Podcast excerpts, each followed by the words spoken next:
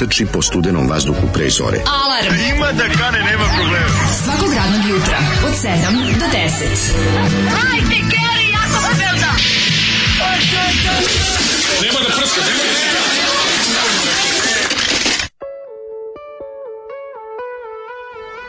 Je, dobro je Zoli u redu, se duriš Kako odmah? Kako je popizde, šta smo prekinuli. Dobro, zalupi vrata. E, Popizda što smo mu prekinuli Kaže, 9 minuta i raje ekip. Razumemo ga čoveč, ne, ne mogu da mu objasnim, znači skače mi tu kao, šta je, jednom pokušam nešto malo drugačije, vi me da. sputavate, vi volite mene samo kao treš, ja tako kažem, je. to nije tačno, šta ti je, smiri se, je. šta je, pa mogu, ja slušam ja i stranu muziku, jer rekao, dobro, mi smo se ljutili, samo smo se začudili. Ono. Nije smo se začudili, nego smo... E, jebem ti budale. Ono. Daj, skrati, nema mi 9 Ni minuta. Ni 9 minuta si stavio pesmu, pa nema vremena, čoveče. Koga... Si lud. Ja mu kažem, A znaš šta je bilo? kaže, koga boli dupe on za July, kaže, July, šta si rekao? Ju, kad ju otio ja sam zeo šta je bilo, moram sad cijela, ima cela priča, žao mi je, treba izoli da vam ispriča da, ovo, da. ali je popizdeo izašao napolje, jer smo da. ga, pitali smo ga zašto je pustio stranu pesmu kad je on ovde za Ju Rock zadužen, izopšte za, za jugoslovensku muziku, eventualno nešto tu, tako, treći svet. A on svet, kaže, pa si njegovu rečenicu, jel kaže, tebi, bugarska, je, jel tebi bugarski inostranstvo? Ja rekao, zašto? Nešto bugarsko i rajki, čak ja znam da prepoznam. Nemaš pojma. Nemaš pojma. I on je pričao priču. A mi to je pričao prošle godine. Šta ne kaže, zelen zelen si klinja, zelen si. Da, da, da, ne znaš ti, ti si zelen moć, ubran. Ne znaš šta je moć da. bugarskog hipi pokreta. Ja kažem, da. šta to mi, o čemu pričaš?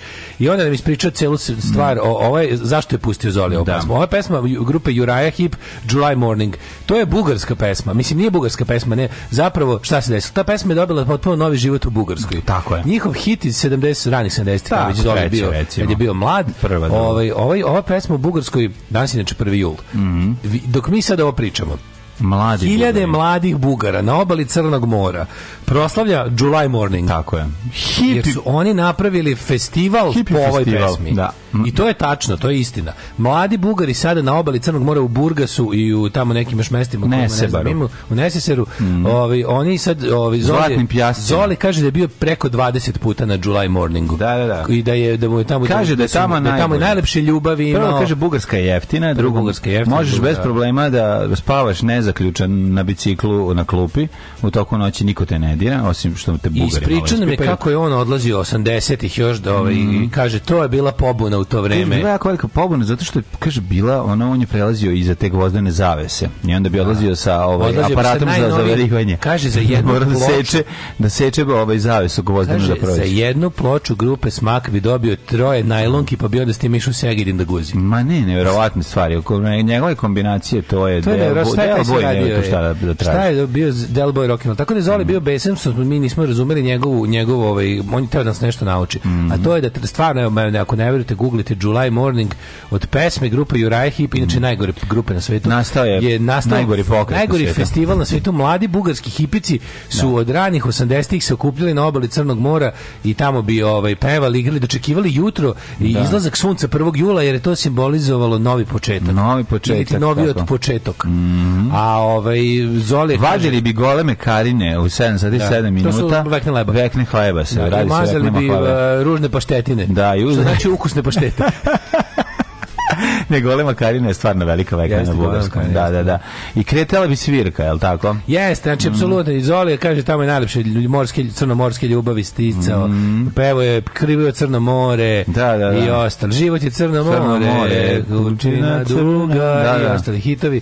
Tako da, ovaj, vratit će se čim, sve, čim popije ožbađe. Kao Moran, dobro more i tako dalje. Imao je on, ovaj, mislim, super je plasirao. On je bio neki ne mogu ga nazvati Prometejem, više bi, nada više bio apostolijada, ali može se reći da je nosio tu luč domaćeg rock'n'rolla. Jeste, tu je postavio prve kontakte, on je pokušao da organizuje July Morning mm. na mhm. Srebrnom jezeru kod nas. Je, Međutim, tako. još gore je propalo, mm. jer kao što su namere bugar, bugarskih tur operatera da komercijalizuju July Morning propale, tako je iz Olive... Uh, Sve što je to hipi pokret, ne može se uhvatiti ni za glavu, ni za rep. Jeste, ne znaš power... da će izbiti bradonja sa kustarom. U, u njegovoj knjizi The Power of Bulgarian mm. Hippie Movement Zoli je objasnio sve. Samo Samo se teško nabavlja ta knjiga. Fora je u tome da pored svakog bradanja sa kustarom stojala su još dva deputata koji Jeste. su ga gledali iz bunja.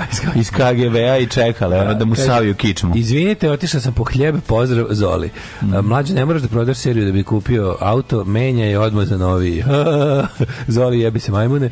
Preporuka za mlađin čitap film The Sacrament po istitom mm -hmm. događaju 70. godine. Čoj, ne zaboravio sam da Sacrament. Evo sam Sacramento, zapamtit ću preko, Sacrament Kings. preko, preko vladeta divca. Ove, ovaj, kaže, nema Sonje, pa mogu iskreno da kažem hvala Bogu da ste prekinuli Juraja shit. Da. Ne, ne bi to ni pustili nego zvali ovaj, da. njega. Da, A, ali Sonja još kaže, nije naučila da je to veliko sranje. Evo, čovjek bio u Beogradu, bio čovjek u Beogradu samo kad mora. Pa ona je raj za smatrače i bugarske maturantkinje. Pride mm. nekako smrdi na paljeni bakelit. Si pa po najtoplijim danu u godini da vidiš kako se topi pa Beograd. Pa zbog to je u stvari da, da. asfalt. Mm. Uh, kaže, se topio asfalt? Zoli zna engleski. Jel, jel i Dilan dobro? Ove, ovaj, e, banovalo Jordana Petersona na Twitteru, sad oni zapad polemišu u web, nebeskoj web kafani, dok Paja Vučić piše u klonje. Deste decoratory. Konjara jezdi iz Alemanje sa ljepšom polovicom put Srbistana. Ajde, divno, nam dolaziš. Da li nam dolaziš? Dolazi nam Toljaga e, i ovo. Stiže, stiže, frajeru ovaj, stari. Pozdrav kurate Bećarine. Jedno pitanje za nepriznatog Balaševićevog sina. Juče mi je supruga bila služba u Novom Sadu da me iznenadi, pošto nemam album na ploči, ko, hoće da mi kupi Marim ja na CD-u mm -hmm. U official prodavnici ljudi, pa to nema omot, ni prednji, ni zadnji. Narezan disk sa neoriginalnom štampom. Šta je to? Ko bugarski pirati? A jebi ga, mislim, pravo na taj album je imao pravo na da te album je imao ovaj Diskoton iz Maram Sarajeva. ja, kako ne, pa imam ja Maram. Da, ja. iz Sarajeva. I onda to verovatno to nikad nije zvanje, to nema reizdanja. A ja imam i originalni CD i originalnu ploču. I to košta đavo i po. Ma ti si kralj. Ovaj, a jedno drugo sam dobio za rođendan. Pa naravno od Ćaleta. dobro. Ne, ne, od drugarice. Ne, mislim od Ćaleta Đorđe Balašević. A, od mog Ćaleta. Da, da, da. da, da. da, da. Slušamo zvonceku u bilježnicu sa Vujom Kabo na gitari, dosta na mlađem radio prenos dešavanja na Bini. Da, da, da, ako slušate zvonceku u bilježnicu, onda znate i čujenu braćo Evo Kora, ovaj, što je to Zarabasovi vikao na nam live i baca u, u, ljude, u masu kore ove, za pita. Stvarno? To, mislim, to je onako braćo, Stvarno, evo kora, jeste. jeste evo kora, evo kora. kao hardkora. I bacio, pa, i bacio ne, kore. Nije on razmišljao u hardkore, ja nego je da samo... Kora. Ne, ne, on je više bio u fazodu kao, kao performance, znači kao... Ne, da, ne, mogu volim da mozak. To on je duhovit čovjek. Ovaj. Mada sam uvijek više volao KBO nego zvonce kubilježnicu, znači, ali mi je poruka zanimljiva. Poruka iz Hrvatske. Mhm. Daško, Prigoraš za auto, vid moj trošak preko zime u svega ti jedan dana. Nove gume i felge 1600 evra. Obavezno je kasko 1000 evra za kaškaj. Plus tehnički pregled 100 evra. Ali ok, Hrvatska je u Evropskoj uniji. Dobra Ksenija Pajić, ali kad bi mogla da biram Hrvatsku glumicu u lepoticu tih godina, Sanja Vejinović bi bila na prvom mestu. Što je ta žena lepa, pa to je što. Sanja Vejinović? Ne znam, Sanja da Vejinović. Da vidimo kako mi to ne znamo. Vjerojatno znamo lik, ali ne znamo da se ona tako zove. A, pa kaže, ovaj, evo glup vic za početak jutra, mm. pitali Indiru Radić da li zna Neciju srećnih ljudi, kaže, naravno, bio Simi sve, glavni lik i serije. Čekaj, Sanja Vejinović, jel da? Ove, ovaj, e, opa, opa, neko je pogodio šta su žnji. Biće sa kojima Oliver Dragović polno opšti to opisuje stihom da. cijelog života moje tilo jebežnje. Da. jebežnje, izvinjavam se.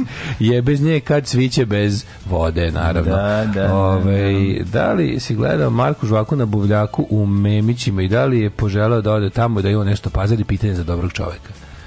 Nisam gledao tu epizodu, pogledat ću. Ove, ovaj, nisam stigao, ali evo gledam ovaj piše najlepša glumica Jugoslavije, a lepa je stvarno. Najlepša glumica Jugoslavije Savina Gjaša, da, da, boga, da, da, da, ste vi najbolje šta pričate. Nije najlepša, ali je, ali, ali jako lepa žena, u pravu ste, mislim, ne, nema nema, nemam šta reći. Evo, otpala nam jedna gladna usta od sutra. Kaže, ćerka juče došla pozitivna na COVID, neću da dođem tamo, neodgovorno je, ovaj, o, tako da ništa, al da je skup desničara otišao bi.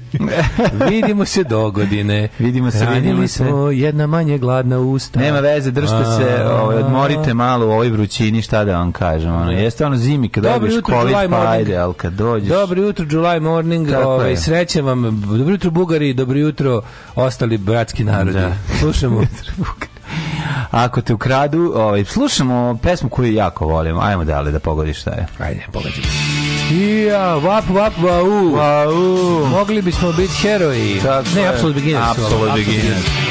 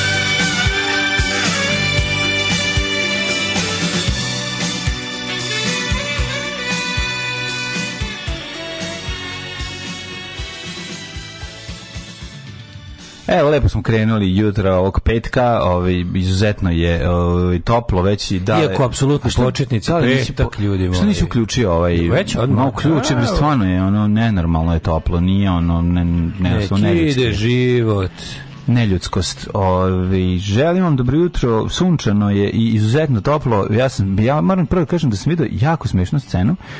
Ja i Daško imamo malu onako zanimljivost jednu ovi, ovaj, tipa sad ćemo objasniti kako. Po svojoj logici stvari ja i on se izuzetno redko susrećemo ispred ove ovaj, našeg ove ovaj, na naše firmice da, kad dolazimo iz našeg studija.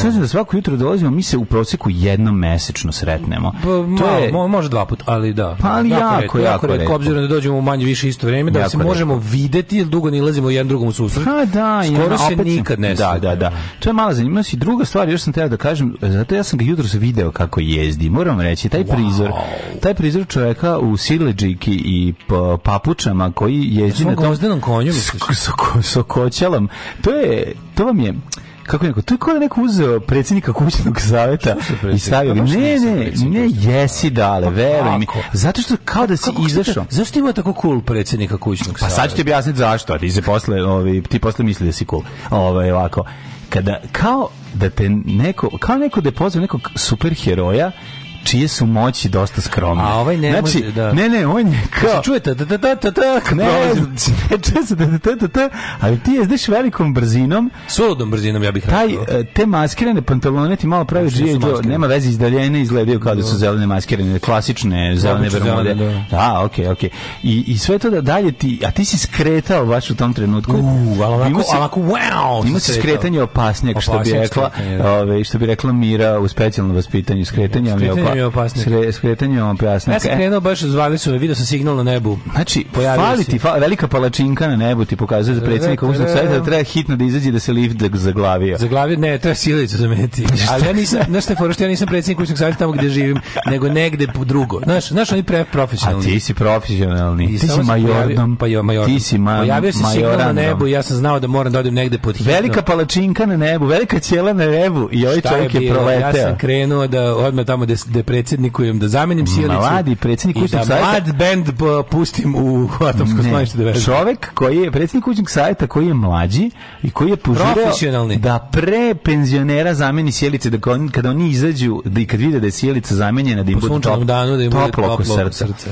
Da imaju toplo oko srca. Tako izgleda, mislim, kako, da, niko ne može cool izgledati na tome, znači nema šanse. Ali je super još dodatno te papuče i to se stvarno izgleda kao, kao da si jako hitno krenuo na pa, pecanje. Pa, mislim, kako ti kažem, predsjednik kućnog saveta jako se žuri na ho... žurbi. Evo, izlaš kao čovjek koji žuri na hobi. I zato je dobro. Da, da, da. da, da, da, da, da, da, da, da, da, da, da, da, da, da, da, da, To sam ti htio ja, da, samo reći. I bilo mi drago. Bilo mi nešto bio bio mi bio sam kao taj penzioner koji bio toplo oko sebe. Da si me video samo recimo 3 minute ranije, možda bi se ubio. Da šta si radio tri minuta? Pa, Paolo, ja, pa, ne, ne, ne, u zadnje vreme praktikujem da jedem na Simsu. Dobro, pa to. Znači jako me mrzi da ovdje donosim da prljam, to me jako nervira i ovaj mm. kako se zove i onda sam uvek sam skontao da mi je bolje tamo na ćošku ima neki salon lepote koji ima lep Sims. Mm. Što volim u salonu lepote da se. Ti kad ga bude salon ružnoće. Parkiram trotinet pored i onda jedem na Simsu. To je onako onako dosta tužno. Ja znam da to iz latura, mhm. ali ne, u, proseku prosjeku pođe jedna osoba da me vidi. I to je uvijek jedna ista neka žena koja ide na posao. Mm -hmm. i, na koja, kaže, koja ima i gorih od pa, e, nas, e, nek se i oni zaposle. I nekako čak i znači da vidi čoveka kako jede na svim Simsu da. ujutru, jer vidi se da nije dobro prošlo život. Znam da, ali to je malo steampunk tvojeg, ne znam kako ti objasnim. više Znaš, samo, više street punk. Furaš, je, vo, voziš ipak moderno vozilo, a s druge Aha. strane Pa znaš, ono, parkiram i to kao da duvaš lepak na, na, na, na trotinetu, da, na, na električnom trotinetu. Duvaš lepak na žurci da si još mrču koks. Pa ne znam, nekako je ove. Kažem ti, ne, malo, meni baš, baš mi do... znam da, znam recimo, svestan sam svoje jadnosti kada jedem na Simsu, ali, da, ali, ali da, nekako da. mi je, ne, pri nekom je okej, okay, bolje mi to nego da više mi i onda lepo pored mi je Imam karta. čovjek kako nije bio završen svoje jadnosti kad je na kontejneru. Tako da ovaj ove to se Kontejner mi je dva, 20 metara od mene, pa onda lepo kad završim bacim sve đubre i zaješem svog vozda na konja, mm. te nastavim. Odlično se Iron Horses. Iron Horses. Iron super horses, Hik na skuteru otprilike kaže. Ne, da, nije ni to, nije ni Super Hik ima taj ono neki kao motorić svoj kojim piči. Stavi neki šešir da ti ubaci lovu dok jedeš. Donosim sutra po jedno nemačko pivo iz okoline Minhena. O, divni ste ljudi. Kaže, bi mi više, ali ne davio da prevoz. Nema veze, jedno je dovoljno. Ove, Divno. E, pa onda kaže, pesma Stereo Banana Sandale, kao da je mlađe napisao za Daška. Nisu papuče. Papuči i sandale su dva različita sveta, potpuno. Da. Ove, Mrzim jedne i druge. Znaš koji je zvuk koji se čuje kada provjeri pored tebe taj superheroj? Jadno! Jadno! to je njegov zvuk. Jadno! To je onomatopeja. Produkcion, Zoom ili ne znam, ne, ne. A koje su mu moći? Da zameni sjelicu? Ma, mogu kruži. Da. Mogu da vidim, ne, ja osetim, ja kući, meni se javi kad crkne sjelica. Osetim osjetiš? kao spider čulom. Osetim, ne moram da mi javi. Osjetiš zašto si ti skina da Osetim, da, se, osetim da se pokoja, znaš šta, da je, da je crkla sjelica, osetim da se otkačila ona gore, ona za vraćanje vrata. Znaš šta znači? Mehanizam za vraćanje vrata, koji rikne. Teg za vrata. Teg za vrata koji rikne u mnogim ulazima. I znaš koji još? To znam bez zubalaša. Znaš da, da lic, znaš da licneš. E, znaš da nalicneš. Ovdje nalicneš. Nalicneš ovaj e, osigurač. Ne, ne bi znao čoveče. Mm Ove, e, sad vidim da nisam samo ja žrtva nečinjih okolnosti. Troje od nas četvoro se razboleli, a dvoje potvrđeno pozitivni. Htio sam plakat kadite. Ove, e, e pita ženja, može umjesto jedni gladni usti koji su otpore da povede mamanatu? Naravno, za boga, mamanata Vodi se pretpostavlja. Mamanatu može da povesti svakako, imali da, da, otpali je usta ili ne otpali je. Ove, ne radite subotom i izmišljate neradne dane. Mesec dana odmora, padne sistem, rikne struja, pokušaj atentata, smanjena je verovatnoća da se sretnete. Ove, da, e, ove, nije, ovo su, nije tačno, s da se vidimo svako jutro, ovo su insinuacije. Svako jutro, pola sedam. Tako da, kako si proveo jučerašnji dan mladine? Ovo juče bilo vraški vruće. Šta je ono bilo juče, majko? Pa bilo je stvarno, mislio sam da sam u Libijskoj pustinji, da je 43. Znači- Misliš da sam u Libijskoj pustinji, ali ne sa cenom Libijskog goriva. Ne, ovo je bilo, ovi, stvarno bilo pakleno. Još sam ja, da šta je da juče imao veliki ono, posao a to je trebao sam i bacio sam se u akciju pronalaska šuta za moj male mm, za pravog za, jebačkog šuta. Pravi šut da bi mogao da napravimo ovu da, da bi mogli da napravimo ovaj odliv za za cisternu u slučaju prepunjavanja od strane atmosferskih padavina. Da. Mora da ima odliv, mora imati odliv. Mora I onda ima, a dokle a koliko moram da napunim do cijevi? docijevi. Stavi docijevi. E, I, I onda sam ja, ovaj, a gde da nađem? Pa idi nađi, vidi, ima tamo na ulasku, vidio sam jedan čovjek ima puno šuta ispred kuće, idi pitaj. I šta ću ja, ovaj, sednem u svoj mali auto, koji, by the way, ima sva četiri cilindra koji rade. Ale, ale. Jedni jučer obi namistio bobinu i na, kaže, teraj dalje, sve je u redu. Dolili malo ulja, kad sam ga narik. Znaš kako leti auto ponovo? Slučajno sam vozio dva dana bez bez tog jednog i auto bio hinki depiran Ovaj sad je namešteno sve radi fascinantno. Krenem ja putem Fruške gore i zabosnu tamo da se borim i najđem na, na gomilu šuta i jednu kuću i jednu mladu damu koja ulazi unutra. Ja je rekao, gospođo, izvinjam se, pitam za ovaj šut, kaže ona, ja sam samo došla da kupim kajsije. ja rekao, e, odlično, ulazim i ja da kupim kajsije. E, ti Dobar dan, Opa, uđem. Ono. To neki sleng za nešto? Ne, u to što žena kupi kajsije, čovjek prode kajsije, to se ne zna. Ali je super što joj, su oni pomislili da smo mi zajedno, tako da sam jedno vreme čak imao i ribu. Imao si i ribu. Jedno, kratko vrijeme sam imao i ribu. Da, da. ja uđem a, unutra. Kakav je osećaj pa, može pričati mislim, sve. Malo, sve početka mi priča. Pa kako ti nekako kako onako, to kako je to kad se nemam ženu i dvoje dece, a isto ime, a isto vremeno u glavi dva prodavac, prodavca sam da, čovjek da, da, koji je da. došao sa devojkom da kupi ovo. Jel mlada? Čovjek mlada, kako ti bilo da divo, piši mi je. Super mi je bila. Tih, no, oko 2 minuta što smo Tiha, bili zajedno. Tičeva. Ne, dva, dva minuta što smo bili zajedno, baš onako, to je bila jedna veza strasna. Evo i seksi pitanje, kakva joj je Kajsija mladene? Obe Kajsije su odlične. Obe Kajsije. I uzmem ja ovaj gajbu Kajsija, da, profesionalno, kažem dajte Gajbu Kajsija, uzet ćemo, kaže a pa evo da odaberite, rekao ne odabiram, i da vas pitam za šut, kaže ovaj uzmi koliko hoćeš. I da ti đubre, koliko hoćeš kakav car. Izvinjam se, to nije đubre. Kakav car. To su komadi, veliki to, to za komadi blokova. Ja, za šalung duša. Nije za šalung, nego služi, ovo baš služi da se da se nabaca unutra da bi at, da bi atmosferska voda mogla što pre da siđe jasno, pri dnu, da. da. ne bi došlo do prepunjavanja, kako bi rekao da me donio sam, sam jeste, jeste, treba ovdje da staviš to više šuta do cijevi. I onda sam ja ovaj stavi do cijevi. Dođi de, ajde, ajde pogledaj. Kako, kako, kako, kako, kako, To je bilo negde oko jedan. Sti normalan jebote, pa to je bilo najgore. Ja sam ovaj stavio, ima sam šešir, ja sam stavio šešir. Da, šešovar si stavio. I jedno pet tura, ovaj, pun automobil sam odneo i to ubaco i napravio to što treba da se napravi. Majko, sam sam inicijativno, ali sam istovremeno dok sam to radio došlo do takozvanog istegnuća jer nisam dobro procenio, mm. pa sam se... Ovaj, ne zagrejan, ove, ne zagrejan. Nije ne zagrejan, ne može biti ne zagrejan, znam to i toploti, bio sam zagrejan sve vreme, ali mi opet onaj moj spazan koji me uvetio pre jedno dve godine ili tri kad smo trebali da nastupamo sajedno sa Majvadi Musovcima u centru grada, -hmm. Ne, nije da me proliv uvatio, nije ni važno. Da, ovaj, pomiješao sam ta, ta, ta, ta Beograd. Sveći da sam bio jedno vreme baš onako jako ranjen. Yes, Nedelju da. dana neki spazam me uvatio. To je bilo, da, da, da. da. E, sad me uhvatio isto taj spazam, ali sam ja do kraja rekao sam Eye of the Tiger, Thrill of the Čen. Fight. Čan, čan, čan, rekao sam sebi. Čan, da čan, čan. Just a man in his will da doneseš šut. Čan, čan, čan, tako je. Onda sam... Just the man and his will to have a cistern Namestio sam sve to, čekam danas čoveka da ode i da to završi. To je život. I kad da ti dami danas rastajete? Pa nećemo danas, mislim da ćemo negde u utorak, verovatno, jer on mora još da ozida ovaj, ovu, kako se zove, šahtu. I kad oziva šahtu, šahta, o, šahta. Mora da oziva, odi, ja, ozida šahtu. Sad, sad da I onda će da to kad rodi, a onda se pozdravljamo. Letio kod tih tako neki pojmova mm. koje govoriš ti ispravno, a majstor majstori neispravno, kako pređeš ti na njihovu stranu svoje vremena. Zašto nema nema jednostavno ovaj nema, nema, nema šanse, nema potrebe da ti, da ti da govoriš ispravno. Pa ne on ga njega ispraviti. Ima da govori šahta i ćao mislim. Pa da, da. napravimo šahtu, pa ćemo ta šahta prekidač pa će malo, znaš kakav je dobar. Mlad je mlad, ne prvi za porodično se spava tamo. Pa ja ne znam, bit će tu negde za jednu dve nedelje. Dve ne, tamo kada mm. se raspustite. Kad se raspustite, kad se raspustite možemo. idete da spavate. Ja se nadam da Struje da možemo radi. svi. Struja radi, namještena, ja. sve, sve fercera, kada pumpa, upališ, može zalivati. Kaži mi, koliko, ti, koliko uh, goriva troši taj tvoj agregat za jedan dan? Ne, treba mi agregat sad. Sad solarno piće? Solar, samo solar. A Gregat je za neke... Samo, so, so, a, a da, Gregat treba kad, kad je malo, nema toliko sunca, pa treba dogrevat bojler. Čekaj, čekaj, ti ćeš moći solara da dobiješ i... Mm. Pa neš moći pa, frižider, recimo. Kako neću? Moći frižider i pa solara? Da- ide direkt frižider, ne gasi se, sve vreme radi frižider. Super, super, super. Tako da, 1450 vati.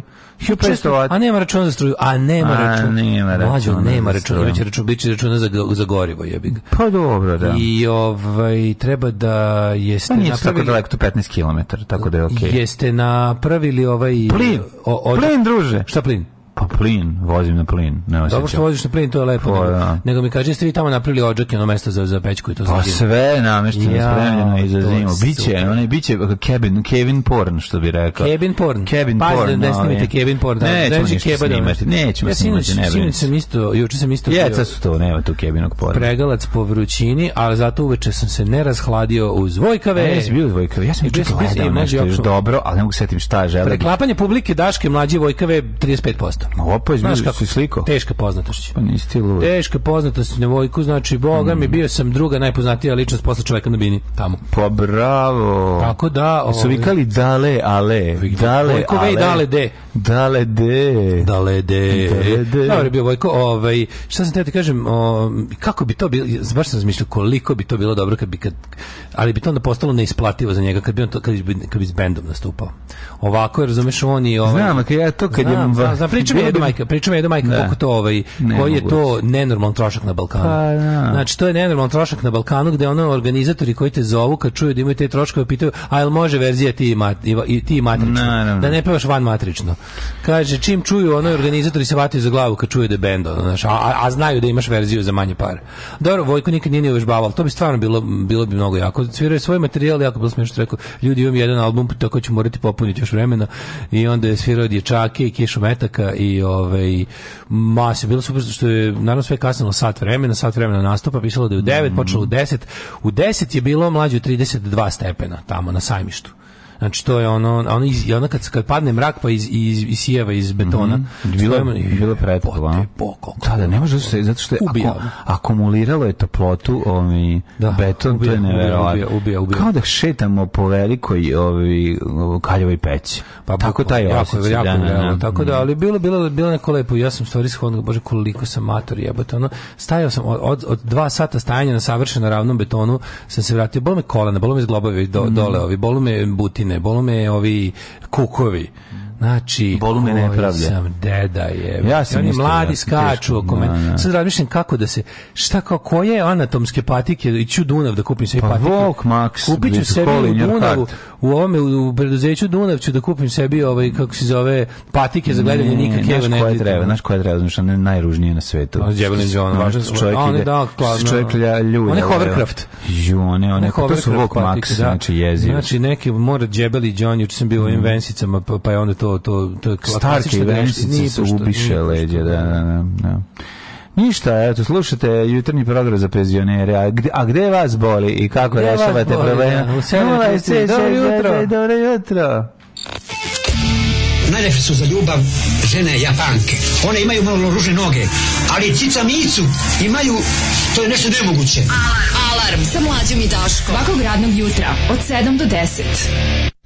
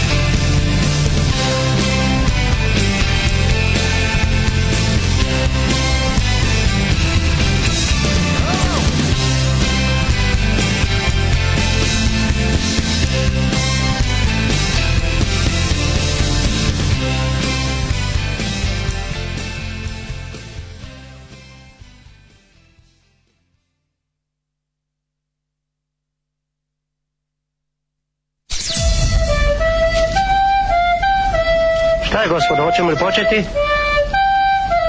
Ne. Pevaj. Ne znam to da pevam. Trebalo je da se potrudiš. Nisam želeo da se potrudim. Alarm svakog radnog jutra od 7 do 10. Do 10.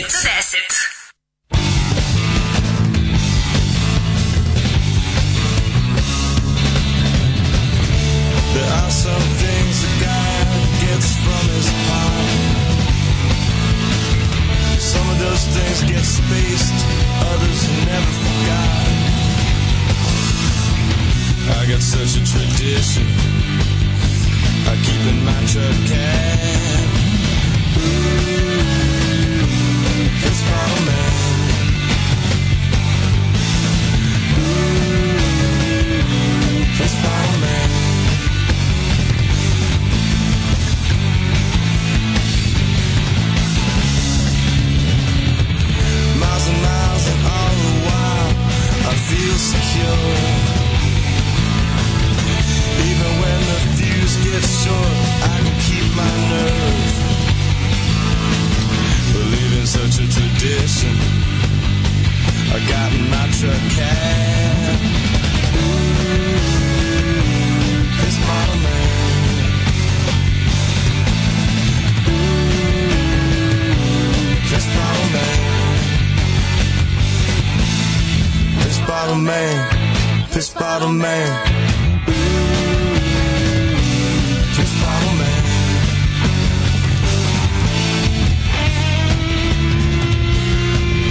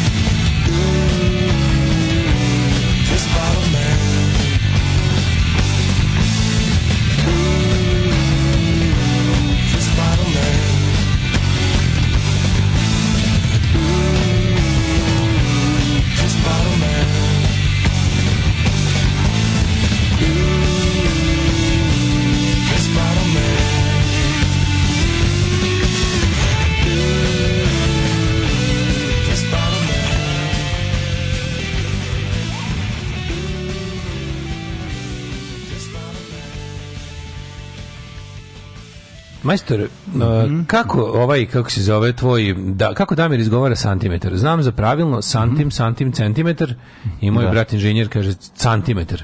To ne znam, nisam, Kako, nisam obratio pažnju, nisam za to na to obratio pažnju. Ne ja znam. volim kad izbace neki čoveče santimetar je super. Ja obožavam da, ti da. izraz zavat kad, kad znaš nešto pod nekim imenom, a on ima svoje ime za to. Znači ti ne. Da. nije ne nego je šved, šved obožavam ti. šved, šved, ja ja ja, šved. ja to klešta znam da su šved, šved da. Što šved vodi stvar da klešta šved. Ove, ovaj, pa onda kaže ovako... E, Uh, ti si vozio šuta, on je sigurno razločio kablove, uh, pa kaže um, Veliki respekt za Mladena, da nije samo dobar čovjek, nego i pravi porodični čovjek i domaćin. Čitaj ovo bez ironije, Daško, gotovo ja već pročito s ironijom. Jebi ga, trebali ste na početku staviti. Čitaj ti to sa aronijom, sa aronijom. to sibirskom. Te kako, kako želite da pročitam, stavite na početak poruke, pošto ja da. pročitam kako pročitam, kako osjetim da treba. Ove, ovaj, nije kaljava, nego kaljeva. Pa dobro, jedno, ta, jedno, to stvari, razmišljam nešto, ako je to jedno kalj, onda bi mogla biti i kaljava i kaljava zapravo. Nijedno drugo ne, ne bi bilo nepravilno. Pošto to je jedna ploča, mislim, ta jedan, da to je na engleskom se kaže tiled stove. Čekaj, nije dobro akcentovano. Ne, ne, ne, ne, nemaš, ne, ne, ljudi govore kaljava peće, kaljeva peće zapravo. A kaljeva, Što kao kaljev, jedna kao, kaljeva. Kao kaljevo, valjevo, tamo da to palim. Jedno, to jedno se zove kalj, taj, ta, ta jedna pločica. To, to je kalj, to su kaljevi. I onda ti kao njih slaž, tako se, tako se zove. A ja sam bio ubeđen da je to zbog toga što se na blatom žutim povezuje. Pa da, da, da, da, da. Kaljevi, taj, a kaljevi su te kocke, a, Aha, pa ja to da, da. nisam znao. Ja sam da. mislio da je svak da je blat, pa da kaljava. klasična se sirus deli kamenje. Tako ovaj. je situacija. Da, da, da. Sanja izgleda Čehinje zvarljivog leta 68. Da, ne bolo leđa katamaran još nije gotov, kaže naš konstruktor brodova. Uzmi neke adidas patike za rukomet, ne za rukoblud. Mm -hmm. Ta vrsta patika najbo, najbolja. U njima možeš tri dana provesti, ne bolu noge, ali se jako smrde. E, win sam, lose sam, što bi se... Pa dobro, to su samba, ove pa ti, samba pa ja. Jo, kaže... Ove, Koliko imaš panela, mladio? Mladio?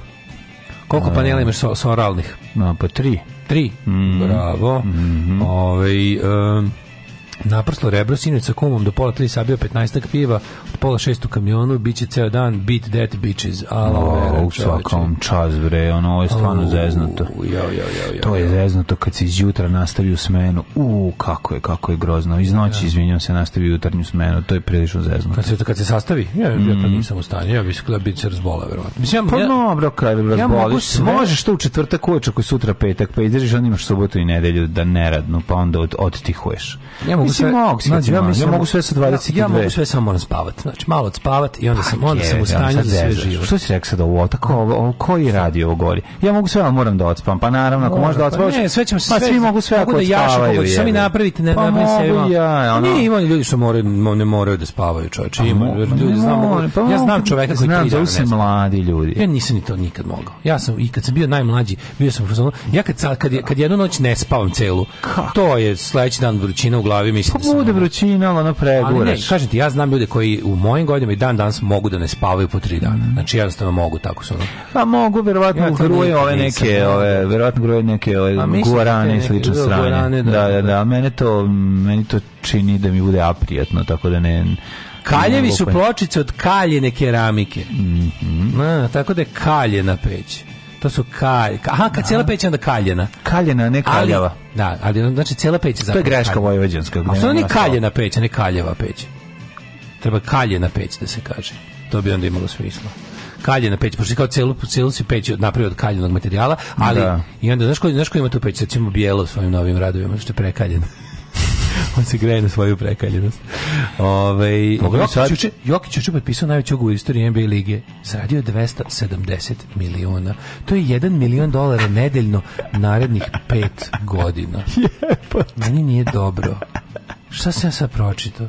Ja sam juče plakao za 450 evra tehničkog pregleda malog servisa. Čovjek da. zarađuje milion dolara na nedeljno. Da. Kako je to dobro. Znaš kako se dosećam? Znaš, one slike kad ti pokažu kao da primaš sliku galaksije Mlečni put i onda ti mhm. kao naprave ono kao jednu tako zapravo se ne vidi tačkica kao, da kao you are here. Mm. Znaš što? Mm. E, ja sam se sad tako osjetio. Da. Ja se svim, sve što ja jesam, sve što ja umem, sve što ja posjedujem, sve što ja znam, sve, sve moje you are here. Nikola Jokić se zatrči ubaci loptu kroz obruč i dobije. A dobro, nije samo to. to je samo to. Nije, i triple double je. I triple double. Pa da. ti nisi double triple. Ja sam double DP. Ti si double bubble. Ali razumeš kako... Double bubble. Da ti, se ne slažeš da je to nesrazmjerno mnogo više plaćeno od čoveka koji čisti ulice. Ja se skroz slažem. Mislim, čovek koji čisti ulice je mnogo važniji. Čovek od dva i po metra je svakog dana jeo, jeo, ovaj, kako se zove, van, kadu prepunu keksa i mleka. toliko da bude plaćen. To treba da se tim ljudima uzeti.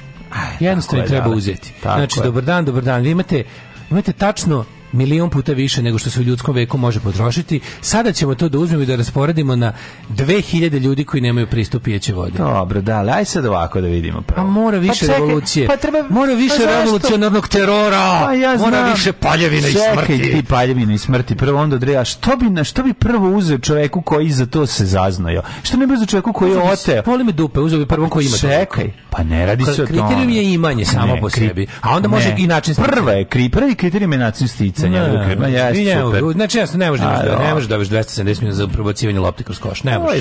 to znači da je sve u kurcu. Pa sve će znači, u kurcu. Apsolutno ne može. Ne, sve u redu. Ja sam kriterijumi ti nisu dobri, ostalo u redu. Nije uopšte važno. On, mislim, naravno, ne treba kriterijum, kriterijum Nikom ne treba 270 miliona dolara, mislim, i to je to. Ne može još 270 miliona dolara za probacivanje lopte kroz obruč. Ne može ni fudbaleri, oni ne mogu da ni glumci da budu toliko plaćeni za one iz ne može to.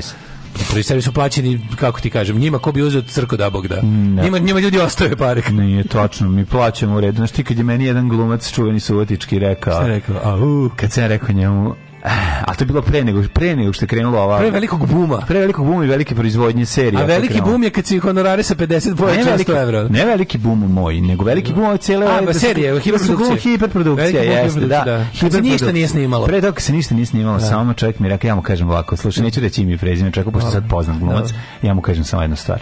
Vidi prijatelju, situacija je ovako, ja imam 50 evra, a on posle tišine kratke kaže ovako, sam Bog te poslao. Onda mi je jasno kako su živeli glumci. Sam Bog Rokić te je ima 50 miliona godišnje, budžet njegovog grada Sombor je 33 miliona. Pa da. da.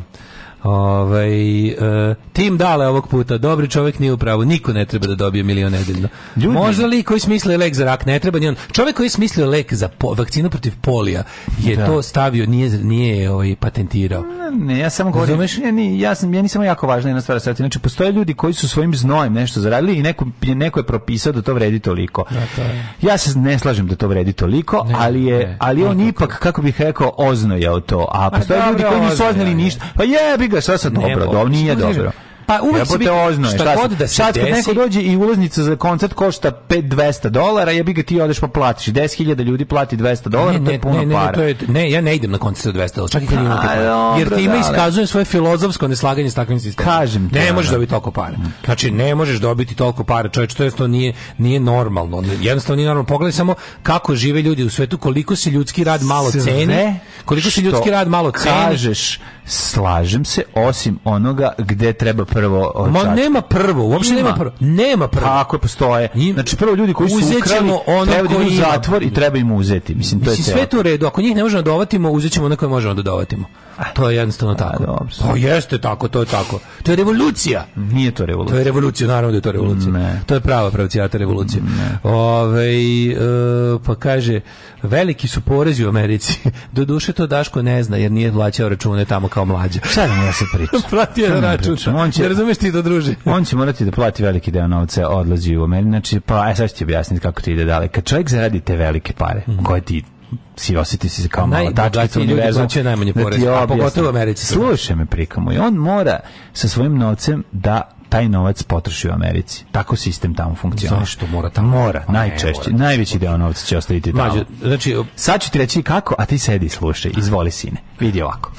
Amerika ti je zemlja u kojoj e, da svoj društveni status moraš opravdati određenim, po, određenom potrošnjom. Pa tako, kada si, se, si čovjek na, recimo, u poziciji u nekoj firmi, aj se pustimo Jokića, ali ja pričam on poziciju u nekoj firmi. Ne, baš mi da Jokić. Čovjek, pa mu govorim ti kao čovjek, on je, on je eksces, on nije pravilo. Znači, čovjek koji zarađuje jako velike pare u nekoj firmi, kao recimo neki konsultant, kao neki partner ili nečega, njegova rast na, e, na društvenoj lestici od njega zahteva da ne vozi više automobil od 25.000 dolara koji je vozio tada, zato se nego mora Nije se zato bogat. Ima ljudi koji to ne žele. Međutim, pozicija u firmi mu tačno propisuje koji od pet automobila može da kupi. Evo, verovali ne, razgovarao sam sa čovekom. kao, mora da kupi taj mora da ili, da kupi. Ili će šta da bude? Ili, ili, ne, ili neće da pare? Sledeći, ne, sledeće godine će pa, dobro, to kao da kažeš ono... Pa dobro, ja sad kažem, to pa su životi, to su životi jako bogatih ljudi pa da, ali, koji, koji ja sam pokušao, ja ti ne opravdavam. Znači, kažem kako izgleda taj sistem.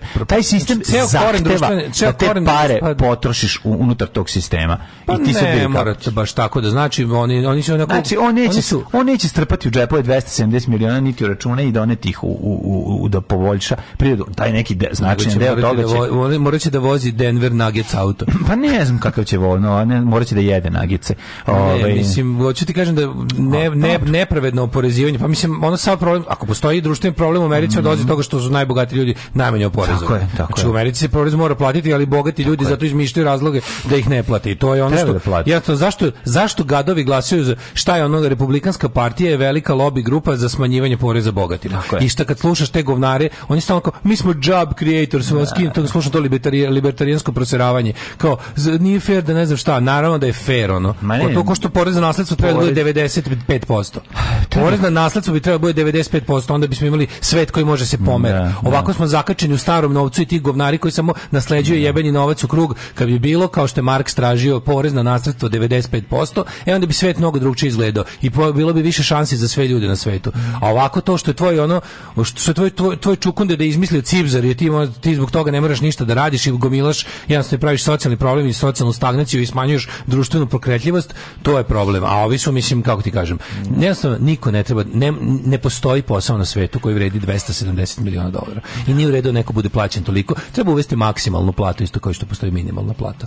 I onda, i onda, će, i onda bi to bilo. Neko bi rekao da to sužavanje vidika ljudima, ali možete postaviti jako visoko. Ja stvarno ne znam kako čovjek može potrošiti milijardu dolara za života. Ja, postoje može, ljudi koji imaju milijardu dolara da potroši. potroši. Kako potroši milijardu? Tako što kupi 20 kuća u kojima ima 20 posluga, pa potroši. Pa da, to su na primjer stvari koje to, to je bilo trošenje radi trošenja. To je on to ne, trošenje, nije, da to, to bi dokazao da može da troši. Milioni, nije. Pa kome treba 20 kuća za 20 posluga? Pa Ljudima koji su mega bogati. Pa ne, nisi rekao da je nemoguće mlađu. Daj, napišite meni cifru ja ću je potrošiti. Pa, ali to je onda kao dokaz da mogu da potrošim. Ne, nije tako. Uz jedan uz jedan nije život tako. koji je u svemu u život koji je u svemu ekstravagancija. Koliko košta Nećeš. dan? života Čde? Znači, na nosaču aviona u vlasništvu Melničenka. Pa Koliko zašto? Košta? Ali ti kažem onako to Pa što, zato što ti razumeš da čovek stvari koje je realno shodno svojim primanjima menja se psihologija njegova ali to su i, i dalje, postaje ne, njegov, to je tako. Ali mlađo jebote, dan ima samo 24 časa, život ima samo određen broj godina. Tako to što je. on ima na svetu to su unused assets na koje on spičkavao pare koje nikad neće u pravom smislu reći koristiti.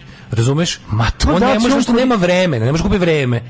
Razumeš, ne može kupiti, on je mogao kupiti flotu kuraca palaca, ali to je bilo baš u fazonu, imao sam pare pa sam ih trošio da bi ne znam šta. Ne, da ovdje bi, ti da govorim o stvarima, bilo, ne, ovdje, to, ovdje nije tako. Znaš, ovdje ti govorim o stvarima koje njemu, da bi održale logistiku njegovog bogatstva, iziskuju svakog dana ogromne... To su bespotrebne logistike, pa, njegovo bogatstvo nije održavanje glupih stvari koje mu ne treba. Jeste. Pa kako je? Pa zato što je on to kako kupio. Je, kako je za njegovo bogatstvo Kad krucijalno? kupiš nešto, pa krucijalno je. Pa kako je krucijalno? Ako ima u Montenegro, onoj luci velikoj, ako mu stoji jahta od 25 metara, ja, znaš, recimo, 50 ili 100 znaš razliku metara. kada odeš u kupovinu da kupiš nešto što ti treba, kad kupiš nešto zato što je jeftino ne. i kad kupiš nešto zato što, što imaš govorim da čovjek koji ima jako puno para, da, on, on, on jako puno i troši, kao da, to, pa, ali to su gluposti, on ne. jako puno troši jer ima puno para. Nije, ne, što ja, nije, ne, ne postoji veze između njegovog trošenja i zarađivanja. To što ne, nima... ne, ne, ne, ne, ne, nisi uopšte razumeo. Znači, njegovo bogatstvo zaht, je, je, po, zahteva veću, veće trošenje jer iziskuje više para za održavanje tog svega što je kupio.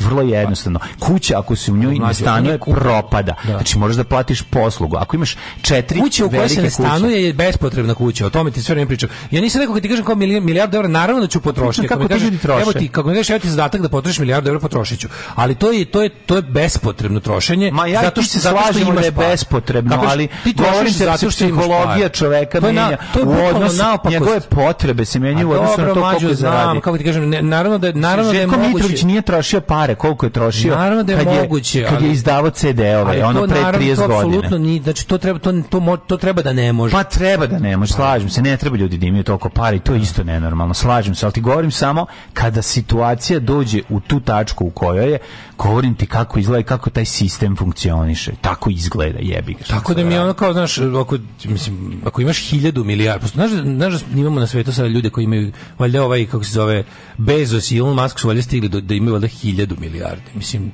što oni imaju kako se zove bilion dolara, bilion po srpskom, ono. Ne znam, da li ja sam juče i danas ovaj, gledao malo, na Instagramu pratim ovaj, dešavanje u kosmosu, pa gledam ove, ovog rovera na Marsu, šta radi, kako snima. I to, to potpuno me fascinira, ta i udaljenost Marsa od Zemlje i tako, tako da, razmišljam kako bi svata, kako bi taj ogroman novac zapravo tih ljudi, mislim, bio lepo kada bi se lepo rasporedio, kada bi svi ljudi koji su svo svoje bogatstvo stekli pljačkajući Afriku, da. vratili samo pola para. Pa. Znači, govorim samo polovinu. Samo pola, kad vratili desetinu. Kad vratili pa dobro, e, govorimo radikalne mere. Ne, znači, da. njega sa 300 milijardi desetina, spoj, vratiti na 150 milijardi. Da, Njegov da, život se neće osetno promeniti na 100, sa 300 na 150. Ja kapiram da ono, znaš kao kada imaš... Oće, morat će se odrekne. Imaš milijardu dolara isto koji imaš 3 milijarde. iživljavanja. Postoje te jednostavno granice. Znaš, kad imaš milijardu dolara isto kod imaš 10 milijardi dolara. Realno, pa, da. Znaš šta 10 Nije, milijardi? Jeste, kad imaš 10 milijardi, jednako kako imaš 11 milijardi. Podeli to na dane svog života. Na primjer, ako živiš, da, ako živiš 90 godina. Ali nisu to moji tvoji dani da ode da kupi ono, jako skupo skupu paštetu. Ali mlađo, nije, govorim ti o bilo čemu. Kažem ti, on je... Oni su preduzeća koje imaju održavaju. Samo kažem, ako ako, je, ako, ako novac stvara potrebu da se on troši, onda jednostavno ako znaš, ne više ne, ne uzimaš stvari zato što ti potrebaju, a sve bi trebalo u životu da radiš, stvari bi trebalo da imaju smisla, ono kao kupuješ stvari koje ti trebaju zbog toga i toga. Ako ti trošiš pare zato što imaš pare, razumeš, a nemaš realnu potrebu za nečim, to je onda jednostavno dekadencija koja vodi u propast pa društva. To je potrošačko društvo. Pa mislim, postoji. Potrošačko društvo ne mora da znači da potrošačko društvo ne mora biti ovaj kako se zove društvo tako ono bespotrebnog bacanja. Ovo je društvo bespotrebnog bacanja. Sad si malo pre rekao, ti znaš da jedna milijarda može da da skući ono na hiljade ljudi. Pa ja znam da to nije normalno. Pa da znači, nije normalno, znači nije normalno, znači, ja ti kažem, na svetu ima svega dovoljno samo što je jako govnarski raspoređeno. Mm. Jednostavno postoje sve čeki da kažeš nek neš došlo je do toliko do toliko razm, razmaka između ono kao ljudi koji nemaju ništa i dalje na svetu imaš milione ljudi koji nemaju pristup pijećoj vodi. Znam. Pijećoj vodi. Pogledaj Zrenjanin recimo. Pogledaj samo taj Zrenjanin. Ne moramo otići u Afriku. Da.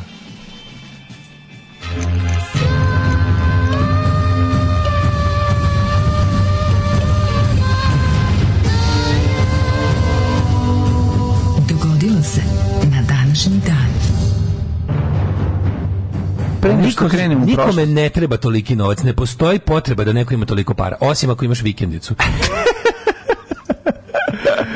Kaže, ne ložite me, porušit ću ovdje sve po prodavnici. Ovi. Tere, tere daš kog Libeka iz studija. U pravoj mlađe bogataši radi. Bivši direktor mi pričao kako ga kolege zabavio jer vozi polovni BMW 7 star godinu dana pa je kupio novu. Užasno, kakva, da. kakva grozota. Ne? Ovaj e, svi ali baš svi ljudi se menjaju u ovaj u prisustvu u prisustvu mnogo novca mm -hmm. da mhm. tako kažemo. To sam želio reći. Ovaj sve će prirodno novca pa jeste, da, ali kako ti kažem, to je užasno. Neki manje, neki više, ali se apsolutno svi menjaju. menjaju da li je u pravu da, da nije u redu da dozvolite da ljudi imaju toliko puno para? Bilo bi u redu da dozvoliti da ljudi imaju koliko god hoćeš para na svetu kada ne bi postali ljudi koji nemaju ništa. I to su, znači, postoje ljudi koji nasledno nemaju ništa. Znam, Kao što postoje da ljudi koji nasledno imaju sve. Da ne mogu ja voziti auto od 60.000 evra. Ne možemo, se oslanjati, ne možemo se oslanjati na ljudsku samilost i charity. Charity je uopšte katastrofa, a pošto, znaš, jednostavno, ono, zato mora drugčije, da mora drugčijim pristupom da se obezbedi da svako ima na svetu krov nad glavom, pijaću vodu, hranu. Znači, to, svet je jednostavno stigao do toga. Kapiraš da je svet odavno stigao do toga da svi ljudi na svetu budu skućeni, napojeni, one, samo što ne može, jer je sve uzeo, jer je pet ljudi uzelo sve za sebe i drže to kao govno, ono, zato im to treba uzeti. Ja volim da kažem oteti jer mi lepše zvuči, ali oni su ti koji otimaju. Mm. Ovaj e, pa kaže e, silne milijarde Bezos. Jedno vreme bio najbogatiji čovjek u ljudskoj istoriji, Ale bi ja tu da proteru jednu raciju. Ja ovde ne mogu ni nov monitor da kupim, kaže drug Stefan. Pa ja vam ovaj. govorim, ja vam govorim o tome da je ovaj prvo, da, prvo tih pet ljudi ovi, ovaj, treba prepoloviti njihovo bogatstvo, pa onda da vidimo dalje šta. Kaže 12% slušalaca prestalo da prati ovu raspravu i razmišlja kako izgleda flota kuraca. Hvala dale. Ove, Daško uvek traži logiku tamo gde je nema. 100 miliona ili 1 milijarda bi promenila svakog, pa ne bi vozio rejon, nego pa ljudi nisu rekao novac, pa mislim, i ja se drugčije ponašam kad imam par, odnosno kad nemam para poš, mislim ono kao ali znate koja je mala ja razlika? Ne. Mala razlika u tome što ka, šta je ja, ne. ja imam kod mene no, e, moj finansijski nivo je takav da ja ono kao i dalje da, da- mogu da promenio znači- nešto. Ja mogu da tebi kupujem znači, samo stvari. Zna, čekaj bre, da ja mogu da kupujem samo stvari koje mi trebaju. Šta po tebi za kako si ti to majke ti? Skoči ti si ti si pa skoči, mi imam sad više para nego pa kad sam imao 20 godina. Ne, nego sad imaš para da živiš, onda nisi imao para da živiš. Da, pa to nema veze sa, to nije nikakav luksuz. Pa mlađe sad, znaš što mislim. No, kao ja nekad, znaš, kad sam imao 20 godina nisam mogao da naručim. Pa matori, mi nismo imali ništa. Ali sam živeo. Ne, hoću ti kažem, mislim, po, čekaj bre, znači čekaj, pa, mi sa da dva, ti kažem, pre 10 godina u našem promenio sam, programu. Promenio sam platni razred ne radikalno, ali sam promenio platni mm. razred u životu. To je vrlo skromno. Pa, Tako, jeste bedno je, naravno, mislim mi živimo bedno po svakom ono, po svakom kriterijumu. Vidi, mlađu, to što ti radimo, naše kolege na zapadu su milioneri od ovog posla. Da, da. Razumeš? Ma, nima, a mi smo takvi da većina naših slušalaca zarađuje mnogo više ja, od nas. Treba oteti od komičara sa zapata i dati komičarima sa istoka. treba, da. Znači, da, njihovih skupih šala... To nije, da njihove, da naše šale su mnogo skuplje, a manje koštaju. Tako je, to, to nije Nego, Samo kažem, napredovo si u životu. I naravno da mi se promenio život kad sam došao do više para. S tim što to, to moje više para je bedno više para. Ali je... Pa promenio se da češće odeš u restoran. Pa to je, pa eto to. to ti kažem, utoliko me novac promenio. I naravno da mi je sada, kao, kad je jako, jako vruće kuće ipak ne palim šporet u kući nego eto odem napolje i jedem kao kapiraš ne, ne. i to je taj to je ta ali ali ne, ne, bila bi problem bi bio to je problem bi bio naravno pravim jasno razliku između onog što nam Vučić prodaje priču da je sve osim održavanja osnovnih životnih funkcija luksuz to da se Vučić naučio tipa ono sve preko fotosinteze ne, je nešto što treba ljudima ono mm, da. otprilike o, naplatiti krvavo ali ti kažem da bilo bi problem bi bio kada bi ja sad počeo da izmi, neko, da uđem u toliki keš da počnem da izmišljem stvari da bi ga trošio Kapiraš? To je, to je o tom, taj, to je dekadencija kada ti, kada ti imanje novca da diktira bes, besmislenu potrošnju. Trošiš da, radi da, trošenja. Sad ću ti objasniti kako to funkcioniše. Čovjek koji zarađuje Mlađo, milion godišnje. Kažeš, aj čita. Mlađo, pa- ušao si u keš, izdao si sebe džidžobidžara, prodao si se skupa kola vikendica. Da, da, skupa kola. Da. Treba ti sve oduzeti kao i milionašima. Tako je. E, kaže, e, ovaj, kad imam para, kupim dva jogurta uz burek. Pa ne, Aha, nego da, to, da, da. šta to, mislim, to, to koliko si uzeo i šta si uzeo, znaš, čovjek koji ima jako, jako puno para, će u jednom trenutku će mu pasti na pamet da uzme, umjesto hi-fi uređaja koji košta 20.000 dolara kupi onaj od 50.000 dolara i to tako ide sa zlatnim činčevima sa ne znam kako i tako se slušaj, i to, slušaj, to potrošačko društvo slušaj ovo, slušaj ovo. Lova je sranje sem kad je nemaš. Ali slušaj sad ovo. Mm. Ove, ovaj, da li umalo da se izgleda koliko se obogati od Patreona? Mlađe ga preventivno prekinuo kukanjem. E, kad mi dođemo, znaš se obogatio se od Patreona u Srbiji. E, da, kad mi da. dođemo ja. na vlast, znali bi, da, kad, da ste slušali kad mi dođemo na vlast, ti kako znali bi da Musk ima da. toliko para da je rođen u vreme početka gradnje prve piramide, imao bi da troši do dana današnjeg 10.000 dolara dnevno. Ne, da, strašno. Znaš koji su meni najbolji koji, uh, ovi, ljudi koji nas e, špioniraju? to su neki ljudi koje ja poznajem, pa onda kao a, kako, ovaj, kaže mi kako kako kako je Patreon, kako je ti rekao, pa okej, okay, pa sad je dobro, sad, rekao, sad je da. dobro, sad je da. dobro. Mhm. Kaže, aha, aha. Ne, ne, pa vidimo, no vas dvojica kad podelite te pare, ja vidim koliko vi dobijete. Rekao, šta ti vidiš? Pa kako vidiš? Pa čekaj, rekao, pa ne kao, vidim da ono imate kao ove ovaj, donacije, znači vi dobijete otprilike oko, znači on sam meni da govori koliko. Ne, ja kažem, pa dobro, ali što, gde mi radimo? Aha, da, da, da, ok, da, reko, pa, pa, pa moramo da platimo šta, a, a, a, a rekao, a server, ko plaća server? Kažu, aha, pa vi to, vi to, to plaćate. Stan, ja, rekao, jebote, a da, stan, pa ne, ja mu kažem, kao, pa ako studija, rekao, a rekao, super si to izračun, jebote, reko, kako, da. rekao, odlično imaš, mislim, baš se onako nekako dobro provaljaš, znači on je izračunao koliko ja u pa svoj glavi, pa da naravno da nije mogao, pa to je potpuno lupio. Ne, na osnovu onog što si ti postio kao gol, kad smo krenuli. A, kad je bio gol na početku. Kad je bio gol, da, da, pa da. Više nikad nismo pa ponovili, to je bilo da kupimo opremu i sve živo, ovog, ode gol svaki dan. A ja ću ti kažem, da je taj smiješno. gol i dalje naše plate drug, će bismo mi pričali. Sada da pričamo, ali ja ću ti kažem da je to jako smiješno, nego ću ti kažem da ljudi, ljudi se bave tuđim, jel da, poslovima, pa onda o, imaju različite ideje, to mi je super. Da. I, a, a druga stvar, što da neko toliko brine. A druga stvar, naravno, a druga stvar, jako puno ljudi, evo, to su nisu istorijemno što čekaju da se zapleteš, pa kao, aj, eto, sam ti govorio. to sam ti rekao. Sam ti rekao da je to da. sranje, ono, a ti, ono, pa, ček, šta si mi rekao? Pa sam ti 2011. rekao da to ne počinješ. I tako, razumiješ, a sad je 2019. 11 godina ti uspevalo. Da, ja sam isto držao ljudima ovde sutra propadne, ja sam ga terao 11 godina. Pa, Mislim, 11 godina. Ništa nisi u životu radio 11 godina, čoveče. Ne bitno, to mi je jako pa, slatko da. isto, ali ovi i treća stvar, ljudi, mi smo na mi nama i ako padne ikada veliki novac, ako ja prodam svoju seriju i dođem ovde dale to. Slatko, I palim seriju. Palim, palim, i palim ove cigare, ove novčanicama od 100 dolara ovde predaš. Propušio sam. Tek što sam propušio. Mislim to nas ne može promeniti iz prostog razloga. Prekasno došao. Ča, prekasno da nam je stigao novac. Razumete, to je to je suština problema. Ali meni ovo tvoje kad ja prodam seriju, to mi je celo kao, znaš šta je to? To mi je to mi je čekaj samo malo da stric proleti. Da, Part 2 mog detinjstva. Ja sam celo moje sankcije detinjstva slušao samo da stric da proleti. Da krene jat ponovo kao svega će da stric da ne biće. Samo da stric proleti. Cigara, Sestra i ja smo se gušili od toga. Stric proleti kroz šofer. Evo, javljam se, a ono 94. Da. sankcije još idu uzlaznom putanju. Evo, čekaj, čekam, sad, sad će, ja sad će, samo, ste, samo vlada da proleti. Samo ja rekao, da vlada čuti, proleti. Ćale, molim te, ona kao kad će kad ćemo, ćemo kupiti kompjuter, molim te, pet godina te molim, bilo koji kompjuter da mi kupiš. Evo, da. samo da stric proleti. Sad ćemo, sad ćemo. To da, je, da, to je, tako da, ovo da ja prodam seriju. Samo da prodam prošlost. I vi krenuli smo u prošlost. Kaži ti meni dale, gde ćeš ti, ovaj, ma ja ću nam opremiti, ja kad prodam seriju, ja ću nam opremiti studio. Znači, forma ideale, idemo da kupimo dve fotelje, kakav kauč, nema kauča, ima dvosed i dve fotelje. Znaš kako sam lep, znaš kakav će kurvarnik to da, da bude. Znaš kakav sam lep polovan kauč na kupujem prodajem, mm. našao za novi studio. Na, Znaš dobro. kako je divan? 5000 dinara samo košta, a lepi. Može, može. Ako je mrtva prostitutka u njemu, Ima mrtva prostitutka i, i, i kesica od kamagre. E, onda uzimam. To je back, da, and then da. they went back to their roots. Ne, ne, ne. Ovi, prvi jul, 182. dan godine. Kaži mi, gde ćeš za najluđu noć? Za najluđu noć da poharam nekog ono Jokića i da kupim sebi indeks svim premazima. Veliki indeks od pre, premazima koji se doplaćuju.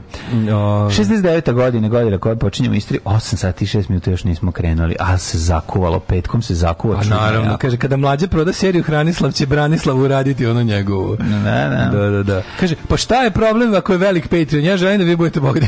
problem je što nije velik Patreon. Pa Patreon, ljudi, kad nas neko pita koliko je, znači, ljudi, nismo gladni, nismo bogati. Tako Eto, znači, imamo jednu prosečnu, malo jaču prosečnu, znači, imamo jednu jaku novosadsku platu u bojicu. Not great, not terrible. Pa imamo jednu malo jaču novosadsku mm. platu, nikako beogradsku. Mm. Znači, to nam je, pa sad vi vidite. A idemo ka tome, idemo ka Beogradu Beogradu. Biće jednog dana Beogradu. Furamo, furamo. Tako da patreon.com kroz Daško i mlađe. 69. godine trupe u Egiptu proglasili Vespazijana za devetog rimskog cara.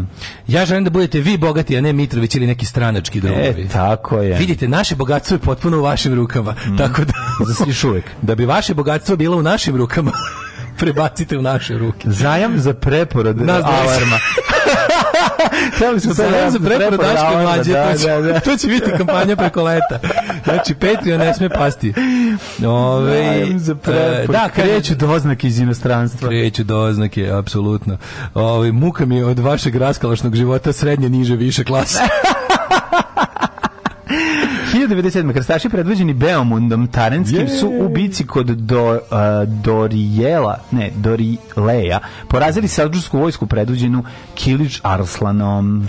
Arslanom, pa da, da. ovako, to je, e, koja je to godina? 1997. To su krstaški ratovi. Ja sam 69. preto, to si rekao. Mm. 552. Bitka kod Tagine, Aha. u kojoj je bizantska vojska... Kod Tičke se još isto da, zove. neki kažu i Tička. Mm -hmm. U mhm. kojoj je bizantska vojska pod Narzesom nanosi odlučujući poraz Ostrogodskom kralju Totili, mm -hmm. koji je pritom i uzeo i pogino. Mm -hmm. 1569. stvoreno... Da mu je rekao, Tičko jedna, šta bežiš? Tičko je jedna... tičko jedna, stani! Izašao si iz Tagine.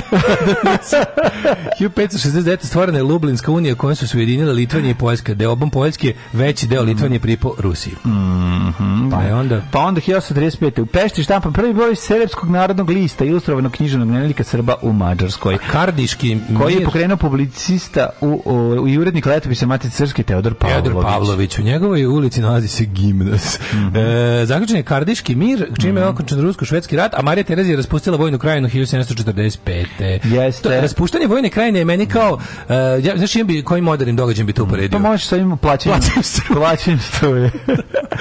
Kosovo. Kada je Albin Kurti rekao Srbima sa severa Kosova od, od, od, januara plaćate struju, to je kao kad je Marija Terezija raspustila vojnu. Nema više privilegija. Nema više privilegija. Da, da. 1861. utemljen lista Le Osservatore Romano. Mm -hmm. 1887. 1866. štampane prve srpske poštanske marke. E, da, da, da. E, ko je bio na, na, na, na, prvoj? Na prvoj. Pa koga su lizali? Pa kneza Miloša, nemam pojma. 1867. Ontario, Quebec, izvoli mlađo. Mm, dođi na morski Quebec. Mm -hmm. Nova Škotska i New Brunswick proglasile Federalnu uniju Kanada, koja je severnoameričkim zakonom britanskog parlamenta dobila status Dominion! Tako someday, je. someday, Tako Dominion! Je. Draga Kanada, ovaj, oh, Canada. zemlju koja će se bežati kada Amerika postane Gilead. 1887. je počela da radi prva astronomsko-meteorološka stanica u Srbiji, mm. to čestitamo ovaj, kako se zove. Da, I, znači, danas je u stvari uh, Jugoslavov dan. 1902. počeo da izdaje prvu opštu prognozu vremena za mhm. Srbiju. Mm -hmm. Profesor velike škole Milan Nedeljković je to organizovao, on je bio preteča gospodina doktora druga Jugoslava Nikolića. 1900. te prvi let zrakoplovom izgradio grob. Čekaj, da observ, observatorija ona koju smo imali imali prilike vidjeti gde se Mustafa Golović ne, ovo je bilo skrivao. na Kalemegdanu, ja mislim. A, ne, u stvari ovo je u svojoj kući na Vrčaru napravio. A ta je izgrađena, je ta je izgrađena negde, ja mislim 20. Jako dobro izgleda. To je ja obožavam, da. tamo u Zvezdarskoj šumi obožavam. Ja. Da. To je prelepo. Taj taj neki o, kompleks tih neki mm. Bauhaus, ovaj mm. na, najviše liči na taj stil gradnje. Onda to, mogu, to su mogli biti samo neke kasne 20. rane 30. ako je Bauhaus, ako nisam lupio.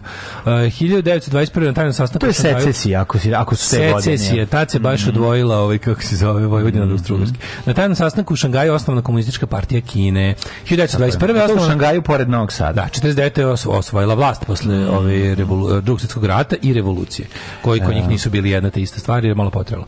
1921. Uh, može. Uh, BCG vakcina prvi put primenjena. Mm -hmm. Prvi put je, je tuberkuloza tuberkuloze. Prvi put primijenjena vakcina za zaštitu dece od tuberkuloze. Kako velika stvar. 42. zauzeli Sevastopolj Nemci mm. posle osmomesečne opsade. Tako je, dugo je trajalo. 1946. Sjemeničke države su izvele nuklearnu probu na atolu Bikini, ubacivši treću atomsku bombu. Yes. Uh, 1953. utemeljen list Moj pas. Mm. Gana poslala Republika na krumah bio predsjednik 60.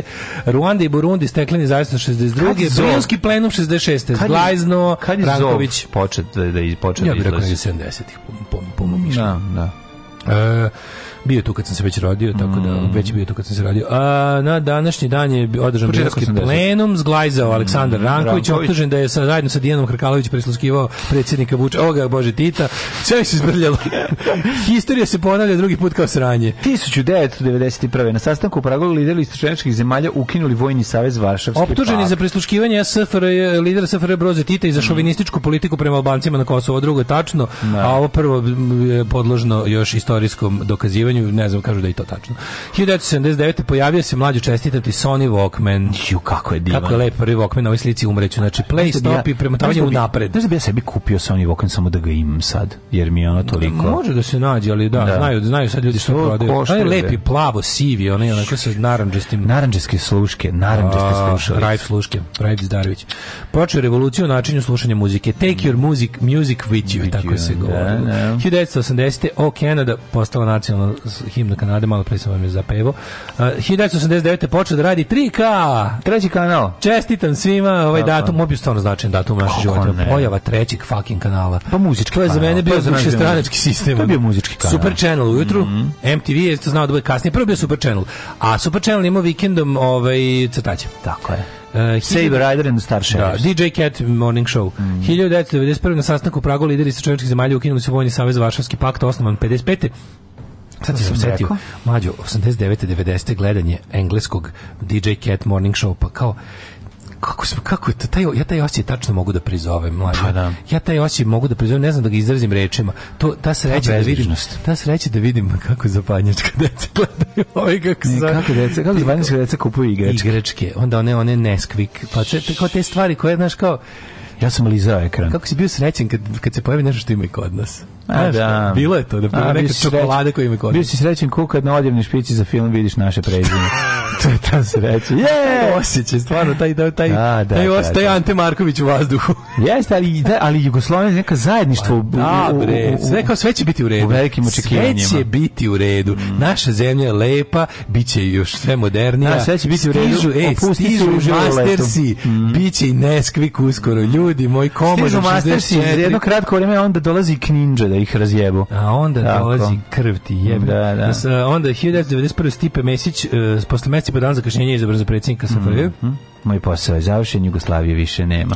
1900... Najbolji isečeni... Naj, ovaj, najbolji promjeni promen... kontekst nikada. Da, da, da, kako služba to lepo. Ono, da, da, da, da, da otprilike Stipe Mesić ispo, ispo sam razbio Jugoslaviju. Da, kao da je sam. Ja, gotovo, ja sam da, razbio. Da, da, da. Van konteksta su, re, su pa da, da. bacili svuda to i to je to. Pošto, ne znaš, tako kako to da. stvarno, kad, pa- kad slušaš više celo, nema, kad slušaš čelo... Čovjek kaže kao, pošto da. više nema, kao ja sam, Državim nemam više šta da, da radim da. ovde. A oni ga napravili kao, pošto sam rastavio Jugoslaviju, da, ja lično idem kući. Da, da, da, da. 1900 umro 94. vođa palestinske slobodičke organizacije Jasar Arafat vratio se u Palestinu nakon 27-godišnjeg izbeglištva. To je jedno, to, to, to sa tim, to iskorišćavanje Mesićeve te izjave, u, u, to, je, to je menjanje, kako se to kaže, to je jedno od onih logičkih grešaka kada ti no je tu služba ne naravno služba naravno, naravno, ali koju su oni, su to ne, ne, nisu ni to ništa isekli oni su Jesu, oni su ni pretumbavali nisu pustili ceo tekst da da da pustili su samo to je van kom izvađen iz konteksta da, da, da, i to da, je da, to naravno ali ali ima ta ima to ima to kako se to zove kako se zove ta sad sam zaboravio ima pošto sve te logičke greške imaju neke mhm. svoje nazive ovaj sam zaboravio kada ti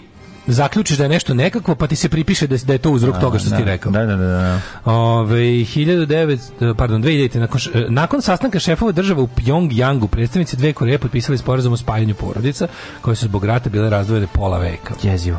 Povezan, e, pušten u rad Bron na današnji dan, nešto se povezuje Dansku mm, mm, između mm. Vozio Malmea sam se, i, i, i šta druge strane? Schopenhaven. Schopenhaven da. Vozio sam se predivan most. Da, nisam. Uh, 2002. u Hagu formalno znači početak rada stalnog međunarodnog suda za ratne zločine. Nisi vozio na tom mostu? Pa nisam, kaže, sedi ja, da, da ja sam priča. jednom samo bio u Švedskoj jedan dan. A ja, sedi da ti pričam. Da. Pa ti moraš ići u Švedsku, pa da. ti ne možeš da veruješ šta je to. Pa tamo Dvije, su kuće od čokolade. Ali nisam to da išao. Prozori su od 2002. 72 osobe poginule u sudaru putničkog i teretnog aviona iznad Južne Njemačke. Mm -hmm. Pa su 2003. SAD ukinule vojnu pomoć za 50 zemalja, uključujući i Srbiju i Crnogoru. E, je letelica Kazini u Saturnovu orbitu mm. i mhm. početak objavljivanja končnih rezultata popisa u Bosni 2013. počeo dažnjan 2014. Treba je malo vremena. Ne vidim nikakve smetnje da musliman ide na more uz dva uvjeta. Prvi uvjet je da idu na more u januaru ili februaru. Alarms svakog radnog jutra od 7, od 7 do 10. Do 10.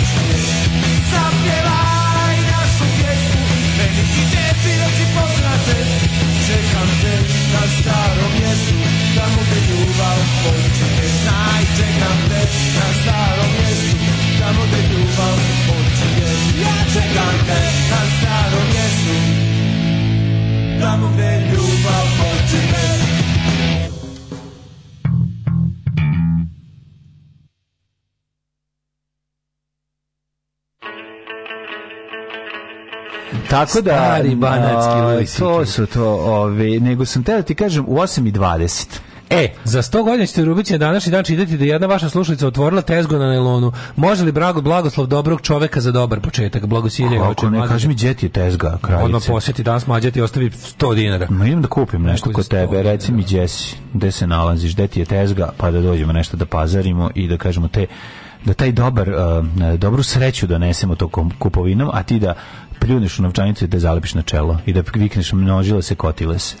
A, kaže, podsjećaju me na vreme kad mi je Pringles bio skup kao kavijer. Pa da, pa mislim, da, mislim, ljudi, da, logično, lo, mislim, da. logično je da sa 40 godina imaš više para. Ljudi, ja sam bio srećen kad se otvorio prvi H&M u Novom Sadu. Mislim, to je baš tužno. I logično da malo, kažem, ne, ne, moramo, ne da moraš se da- obogatiti, nego samo neke stvari. Pazi, kad si klinac, ti realno zavisiš potpuno od toga ti roditelji nešto kupe. Da, da. Onda kad kreneš da barataš sam sa svojim parama, to su pare za, za onogo do neke, ma ni, ter, ni od tercijera, nego neke tamo važnosti za, za nekakve najperifernije stvari u životu. Da bi trebalo da se osamostališ, a nakon osamostaljenja bi trebalo da za nekoliko godina priuštiš i sebi mm. nešto više od pukog preživljavanja. E sad to što je kod nas lestvica u podrumu i što je nas predsednik naučio da je jednostavno nije normalno imati bilo što u životu, da je srpstvo jednako siromaštvo i da je dobrota jednako beda, mm. odnosno da ljudi koji hoće da dokažu pripadnost narodu moraju da budu bedni dok ekipa oko njega pripadnost narodu prikazuje na drugi način. Jednim onako više deklarativnim srbovanjem, pošto su bogati. A mi ne moramo, mi ne moramo da srbujemo pošto po svojim siromaštvom baštom dokazujemo srpstvo. Ovaj ajmo buržuji, idemo transparentno, dajte cifre. Ovaj e, verovatno zašto sam sirotinja, jako mi nepristojno pitanje koliko zarađuješ. Ne, to meni, to uopšte nije, to, to da je nepristojno pitanje koliko zarađuješ, tu su izmislili ovi šefovi koji na taj način drže taj ono divide and conquer. To je za mene najveći glupost što se u svim kapitalističkim firmama insistira kao ono kako je zapravo ti ugovor o radu traži da ne smeš da govoriš kolika ti je plata. Znaš? Pa da ne bi neki drugi tražio. Pa, naravno, naravno, to je motivi toga uopšte, to uopšte nije nikakva kultura kultura, niti bilo kakva skromnost. To je oružje gazdi u, u borbi protiv radnika. Mm. Ove, ovaj, kad radimo odliv mozgova, odlazi u USA, čoveče. Ove, ovaj, um, kakva socijalna epizoda danas? Prvo pižđenje na milionere, milijardere, pa prisjećanje na djetinstvo bez igračaka, fali samo violina u pozadini. da. Ove, ovaj, ljudi su čudna vrsta. Lik za polio bez patenta, www, be, kaže, bez patenta. A imamo i bankare. Da, i ove što je www, što je World Wide Web, ovaj protokol smislio, to isto bez patenta uradio. No. Da. Ove, ovaj, Kaže, što ne uradimo neku obradu koju ćemo? Ajmo, Zio Valentinovo, e super, kako ćemo isto, samo brže. Nije Zio Valentinovo, ovo je bila crvena jabuka. Da, gde da. god desnica jača, gde god fašizam poturi svoju ružnu glavu, gde god nema jako koren od lake, a ima sisatih dama, vidjet ćete ćelavog tutinetđiju. to je super heroj koji stiže. Da, da, no, da, super da, da, da. da, da. heroj. Ove, um, Rođendani. Ajmo da vidimo. 1646. Gottfried Wilhelm Leibniz. 1480. Kristijan II. Danski, Danjolski kralj. 1534. rođen Fridrik II. Drugi Danski, norveški kralj, 59. 1588. Pa je 1646. rođen Gottfried, Gottfried Leibniz, izvolite. George Sand, 1804. O, pa opet si preskočio gospodina Karla von Klaus, Klauzevica, našeg omiljenog tumača rata. Pa bio i juče. Teoretičar rata Karl von Klauzevic, pruski general, čovjek koji je napisao prve knjige o doktrini ratovanja. Uh, izvolim. 1872. Louis Blériot, francuski inženjer i pilot. Sećaš njega iz uh, istorije avijacije albuma? Kako se neću sećati Blériot. Mm. Blériot je jedan od onih, kako se zove... Konstruktor aviona, ali ne znam šta je on napravio. Bio je, bio je, bio je Neki taj... dvokrilac je njegov. E, ot, on, Otto Lilienthal i onaj, mm -hmm. i onaj, kako se zove, e, ah, kako se zove taj... Ne, Eolo ti avioni, onako, taj je on bio najslađi ima neki avion, mu izgleda kao džinovski šišmiš. mhm -hmm. e, da, da, da, da, Charles o, Lawton, taj mi izgleda jako dobro, taj da ko šišmiš. Charles Lawton, da, da, da. da, da. Charles Lawton je engleski glumac. Mislim da se taj zvao Eolo, taj, taj, taj mm -hmm. model, model aviona, i da je bio neuspešan, naravno, pošto je bio bicikl s krilima. No.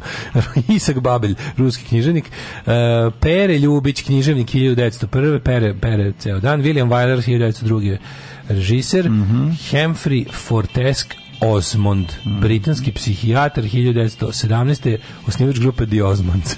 Šaće nije. Mm. Franka Manjani, novinarka Seni Kunče, nigerijski predsjednik i general. Seni Kunče, tu i ne mrdaj. Da, Seni e, Kunče. Uh, Seni Kunče tu je. Da- Koje godine? 1931. Uh, 34. Cindy Polak, reditelj, producent. Sidney, Da, da, da. da. Uh, Šta sam rekao? Cindy. Cindy, izvinjam se. Cindy iz Model, to si da, da, da, da. 1935. Oliver Mlakar. Mm -hmm. Vidi ga, Proliver Dlakar. Mm, voditelj i dalje ovaj, čovjek koji ovaj, uprko svemu i dalje uh, daje glas za plazmu, plazmine proizvode. Je li tako? Koji? Mlakar? Ne plazma, nego... Ne, za prizma. Prizma Ali on to daje zato što je Mićo Orlović umro. Pa dobro. Nasledio Mićo Orlovića. Da. Penzioneri, potreban je da. samo jedan ček i neophodni aparat. Da, a sad je, da, sad, da, da, da, Zato što oni traže nekog lika koji će penzionerima biti glasom mm -hmm. poznat. 46. Slobodan Santrač. Zašto? On je bio jedan najneomiljenijih selektora u istoriji. Ja sećam da son, baš Santrača niko nije voleo. Nije bio. Slobo mi su vikali, ne Slobo Santrač. A pa vikali su Slobo Santrače. Pa Slobo Santrač se tako zvao, jebe. Dobro, on je bio Slobodan Santrač, ali su pa da. Miloševiću vikali Slobo Santrač da ga uvrede. To ću kažem. Zavisi ga.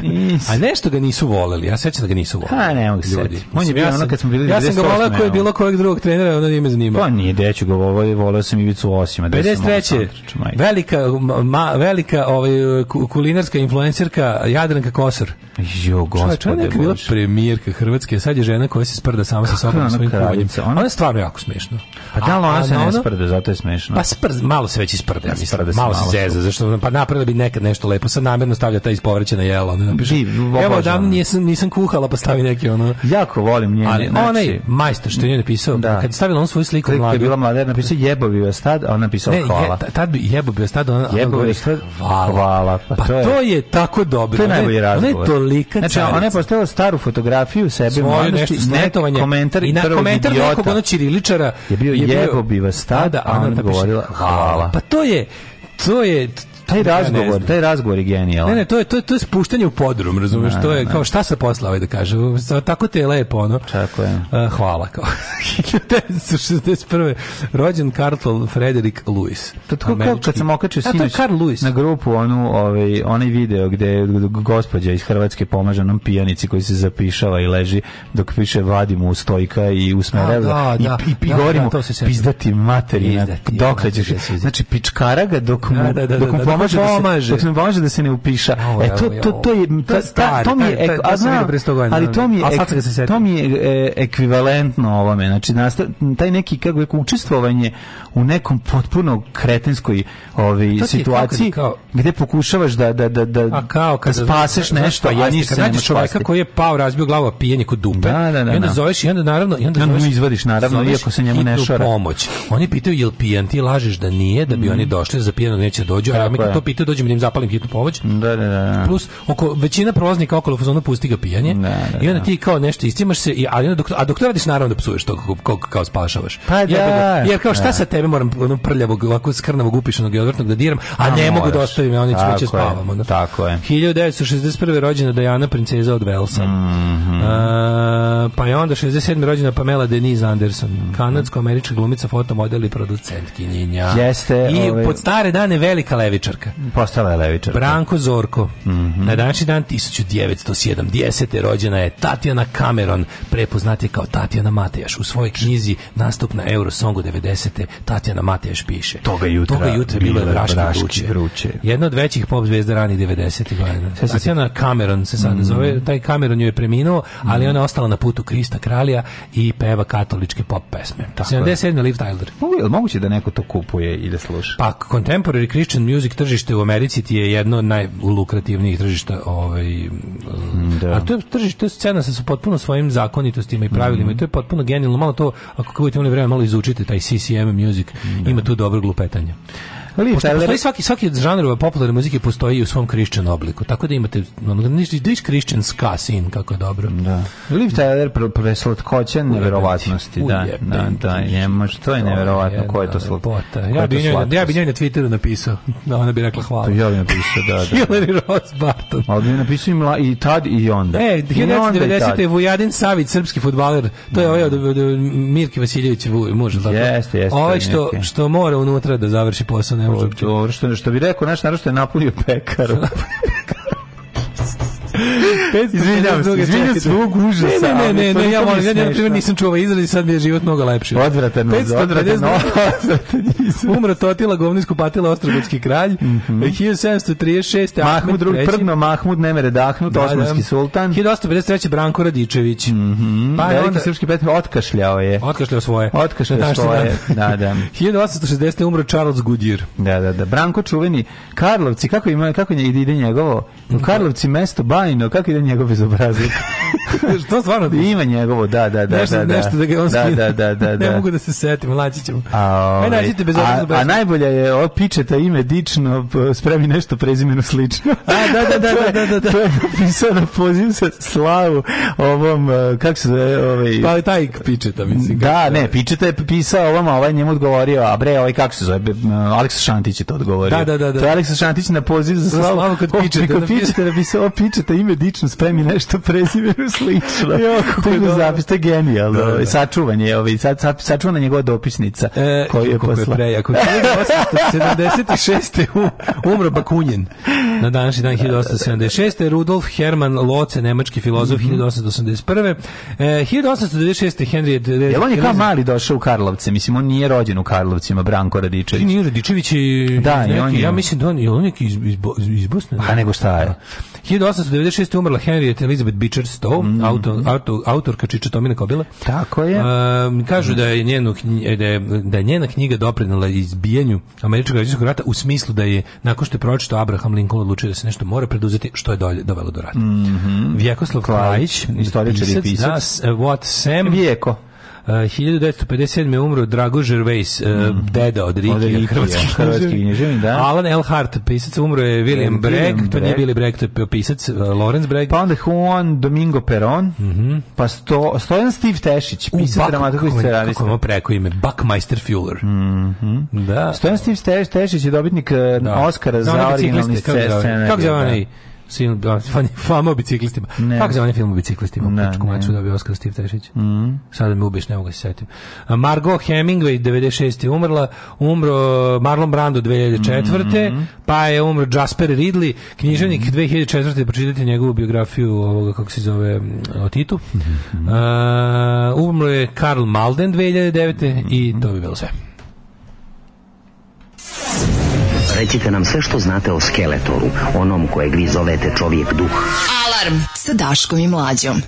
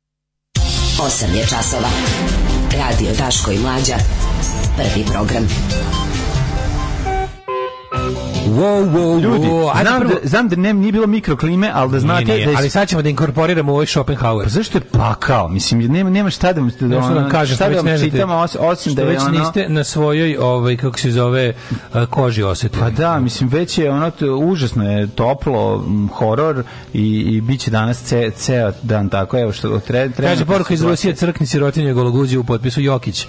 Pita me mladi komšija iz Beograda kako je na Fruškoj gori. Ja kažem Mokra gora, a on će da, pa da, kako je Kučića draže. To je ravna gora, škola se čudo. da. Pa ovi... je bilo na mokro gore pitao za fruške. Jo, majko bože. Toplo, toplo, toplo, toplo, toplo svaki dan. To je što e, se kad toga se biografija pročitate, priznajem da sam živeo memoari Pabla Nerude, genijalno, mlađi bi se posebno svidelo. Pablo mhm. Neruda, mm -hmm. naš najomiljeniji pesnik u smislu da ne postoji veći raskorak između onog kako smo mi čovjeka zamišljali i kako čovjek izgleda. Pablo Neruda da. za mene bio lik poput Hemingwaya sa onom nekom maramom oko vrata koji guzi na čamcu, a on ono deputat. Čamče. Kako kaže, e, pri... priznajem da sam živeo pri... njegova mhm. biografija. Mm -hmm. Branko je rođen u Sjavonskom biodu. Pa da. Odrastao na tvrdom zemljanskom zemljanom putu. Tad nije bilo asfalta. E, rođena drugarice Blondjice danas takođe. Mm -hmm. Pa je onda ovaj, Musk, Jokić i Bezos odmah da uplate Patreon. Nego šta? Ove, ovaj, e, kaže, znate li koliko je Dule Savić praznoglav? E, sin mu je pet puta toliko. Bukvalno, muški članovi porodice Savić svi dele jednu te istu ciju ćeliju. Jel ima Christian Black ili Death Metal? Ima Christian eh, Black koji se onda zove White Metal, White metal. ne? Kako je to jadno. Da, prejedno, ima Christian. Ima to Christian. Je jako da jako sam dobro taj White Metal, on, oni ima Christian Death Metal u smislu da, da tako zvuči, ali su tekstovi drugčiji. Ne, tekstovi su. Hey, Satan.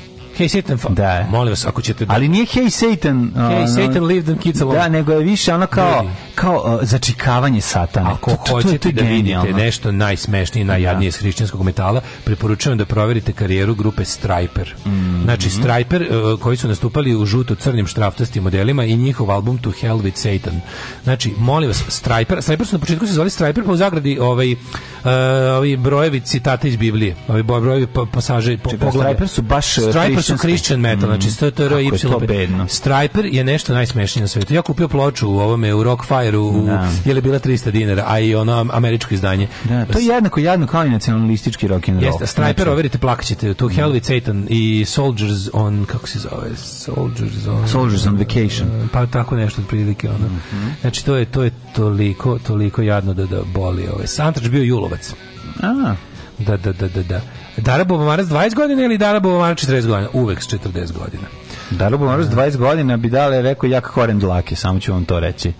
A sad ti reci da ne bi rekao to. Vratih se. Ja bi rekao, je bi bio jak koren dlake. Ko je šta? Kod mlade dare bi bio mare. koren dlake. Ne, ni tad. Nikad nije imao jak koren dlake. No, no, no, Ove, e, kaže, vratih se kući iz jebenog rodnog Beograda. Naglas rečenica zvuči nestvarno. Pozdrav iz gore mokre. Mm. Ove, u firmi svi znamo koliko zarađuje, iako je zabranjeno o tome pričati, lože na tu priču forum da svako treba sebi da pregovara platu. Zabranjen je sindikat.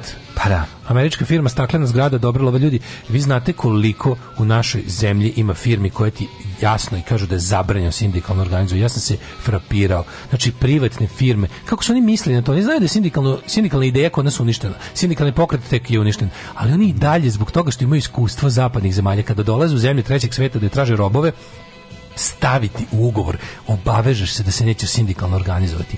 Jebem vam mrtvu mamu svima pokvarenu idemo sad na lepše teme, a to je Ove, ovaj, o, imamo lepše teme i šta imamo? Imamo da nam sledeće nedelje počinje Exit, je li da. sledeći četvrtak, a da mi smo juče podijelili o, jedan, jedan set karata, karata a sad će dobiti.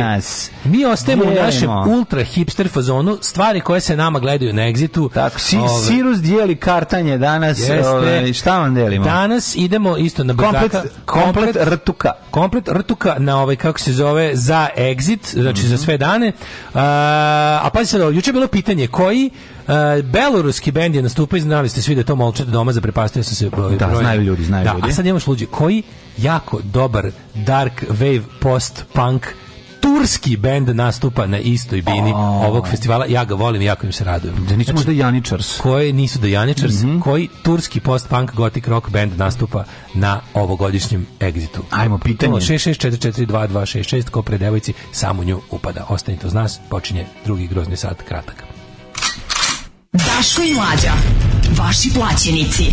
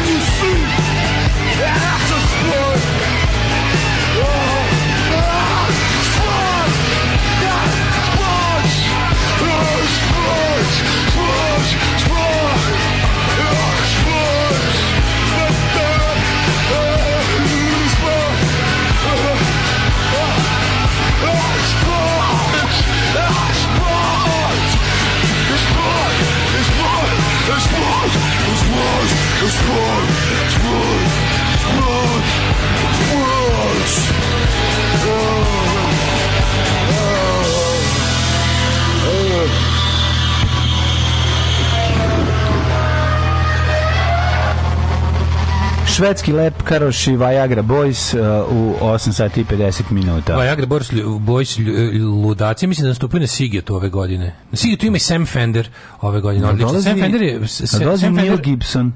E, ne, samo Sam Fender i poznati I, kao Joy Springsteen of the Grim North. Springsteen iz Newcastle. Aha. Odličan je. Jako sam naložio na njega. Oskar mi ga pustio pa sam se navuku. Mm -hmm. A ovaj je i danas i juče cure dobile kartu za izlet, baš volim. Bravo, baš bravo. Volim. Kako se zove turski bend? Uh, She Passed Away. She Passed Away. Al mogu da kažem opet, ale... opet jako puno tačnih odgovora, ali prva je prva. Turski turski ovaj umetnik She Passed Away. She Passed Away. She Passed Away Na, da, nastupa naravno, na naj, najsmešnija poruka bila u sred ovih She Passed Away, jedna poruka bila Red Union. naravno, naravno zlojebi su obožavam zlojebe, znači zlojebstvo, ali pesma Sports od Viagra Boyza unosi takvu nervozu, da. neprijatno level 100. Ove, znači, kao i sport. Hoćemo sad da pričamo o tri, do da trećem satu tri najlepše sportistkinje sveta. Ove, ovaj, um, Američka naučica izdala rad 3,5% populacije dovoljno da sruši bilo koji režim u bilo kojoj zemlji. Ljudi koji su u većini često percipiraju da su u manjini, to se zove pluralistic ignorance, a Daška je u pravu kad kaže da dva, tri čoveka mogu zapravo da zapale celu stvar, a da to sve kaskadira do 3,5% i da ode bilo koja vlast. Kako misliš? Pa imaš, imaš može ne? jedan čovjek sve da, znači nije dinara sama planila, ja sam je zapalio. Knjiga onoga Edvarda kao zove se kude ta ovaj tehnika državnog udara. Mm, čovjek napisao udžbenik proučavajući razne e, državne udare, nekoliko Čovječ scenarija kojim se može izvesti državni udar. Videli smo način na koji Brit, kako je Britanija izašla iz Europske unije, bre, ono, i no, to, je, to je drugo. Pa ja volim baš o državnom udaru. Znači, ima ta, ta interesantna ta da. knjiga, to, to je Lutovak se zove što je napisao, uh, zove se Kudeta. Uh, i ovaj možete da vidite nekoliko scenari bukvalno sa matematičkim modelom i, i pravi ono što se kaže know-how. Pa takav matematički model postoji i za dobijanje izbora i o tome ima ima da, pa, da koliko para mora da se da. uloži da bi no. posle dobio da ne samo para nego uopšte i ovaj Novac, tačno, kako kako se koliko napravi. košta da, da. to je to kako se pravi pravi se s pomoć novca mislim da bi moglo nešto da... Majko Mila evo ova ovaj e, čovjek je ubijen sekirom ubačen u bure pa bure zaliveno betonom Jevo. Da li je Biljana imala i saučesnika? Mogla ga ubiti u snu, ali ne i da se reši tela. Žena ne zna da zida to mora da se sazida majstorski, rekli su stručnjaci. A ne, mogu jebote. Kad se uzidava čovek pa zna se Moja kako keva zna da zida i to znaš kako zna da zida. Tako da ne pričite gluposti da ne bi vas odveo kod keve u bure. Znači, da. mislim, da. Ivan nije imao više od 170 cm i 70 kg.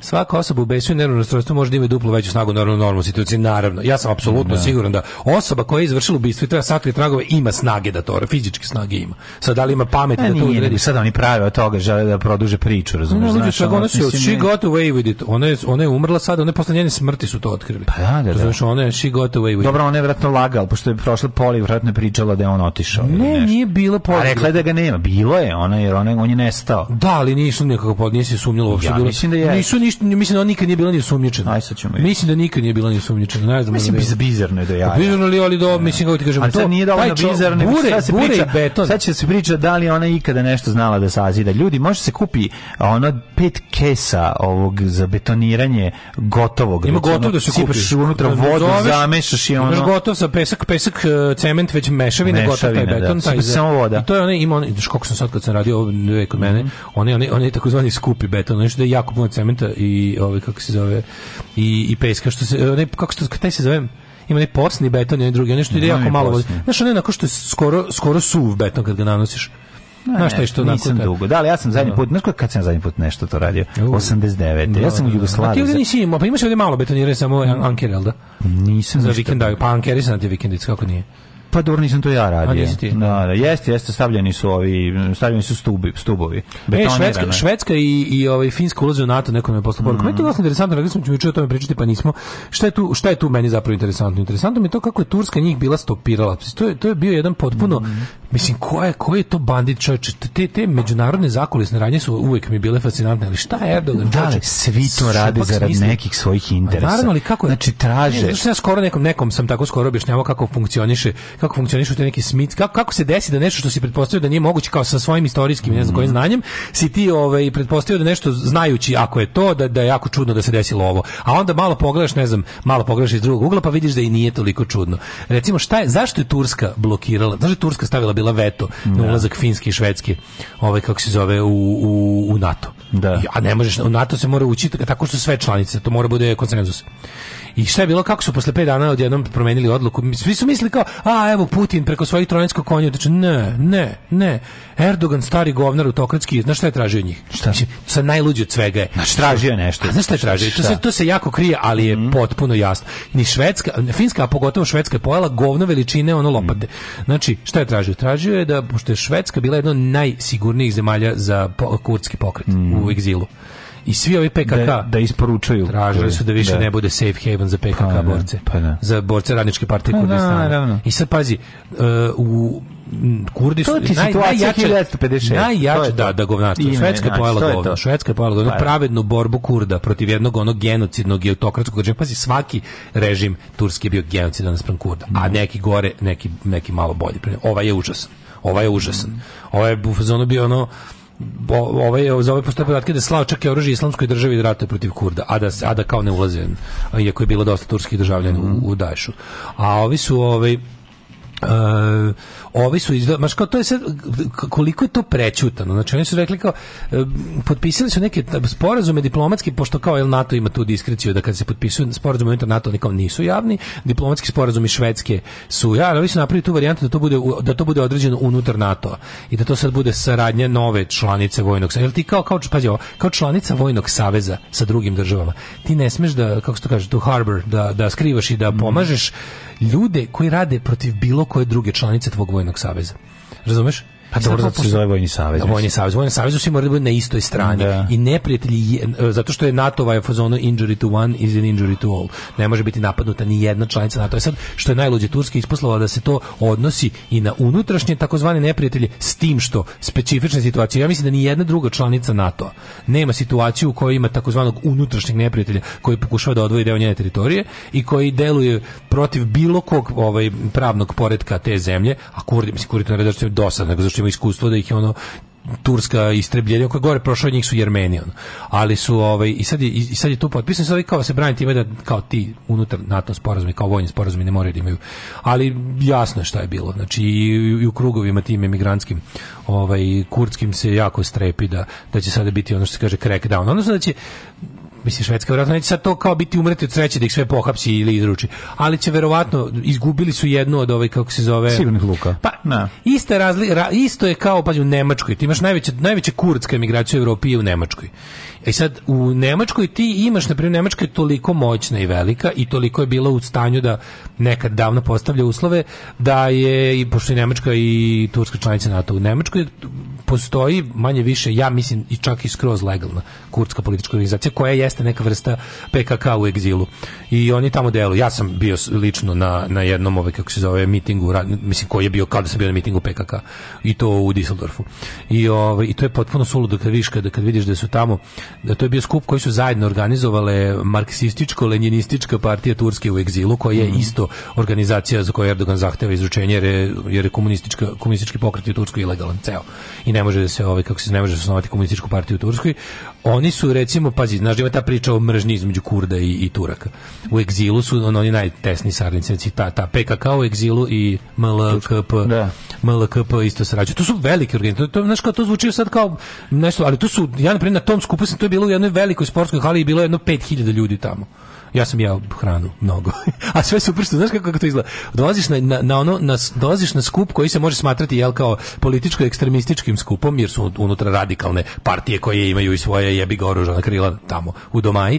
Ovaj uđeš unutra, onda kao da si upao na balkansku svadbu. Pa da. Znači sve kao sve su stoje džinovske slike ovoga kako zove ovoga tog Brkevog mm -hmm. što je u zatvoru turskom pa i ovog isto ovog turskih komunista koji su ovaj kako se zove ali pazi ti turski komunisti isto koliko traje ta istorija turske levice oni su uglavnom e, onako pomagali kurdski pokret mm -hmm. jer su to sve kao internacionalističke radničke partije ali su to u, znaš kako su znaš kako je njih proganja kako njih proganja turska država to je to je jedno. ali ja ti kažem da li jedno ali stvar... nemačka je nemačka razumeš no. mene sad da. zanima kako će švedska kao sveže ona znaš u fazonu turska je ušla u NATO posle nemačke pa nije mogla da diktira nemačkoj a ovi ulaze posle Turske.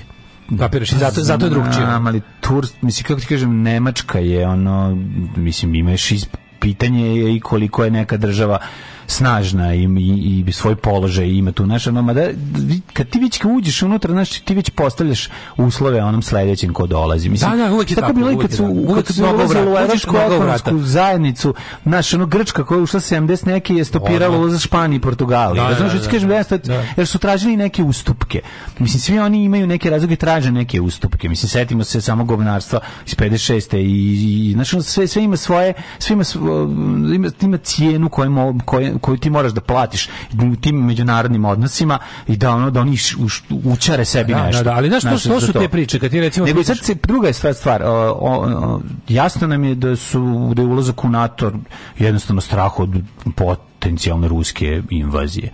Mislim, Rusi mogu da uđu bil, de da gde god žele. Da su ušli, ono, ti vidio kako recimo... To je jasno. Kako je to, čoveče, pazi, Znaš da je bila varijanta kao uh, Švedska i Finska kao mnogo riziku su Putin, mislim kako Putin nekako na, u diplomatski prva izjava nakon ulaska ove dve zemlje u NATO mu je baš prilično spuštanje lopte. Znaš, bila kao ono, nemamo mi ništa protiv. Pa nema nemamo Odjednom nema ništa protiv. Pa ne, nego nema interesa tamo trenutno. Čekaj, on je sada, on je, on je utrostručio svoju granicu s pa NATO om da, sada. Pa, da. to je idiotizam.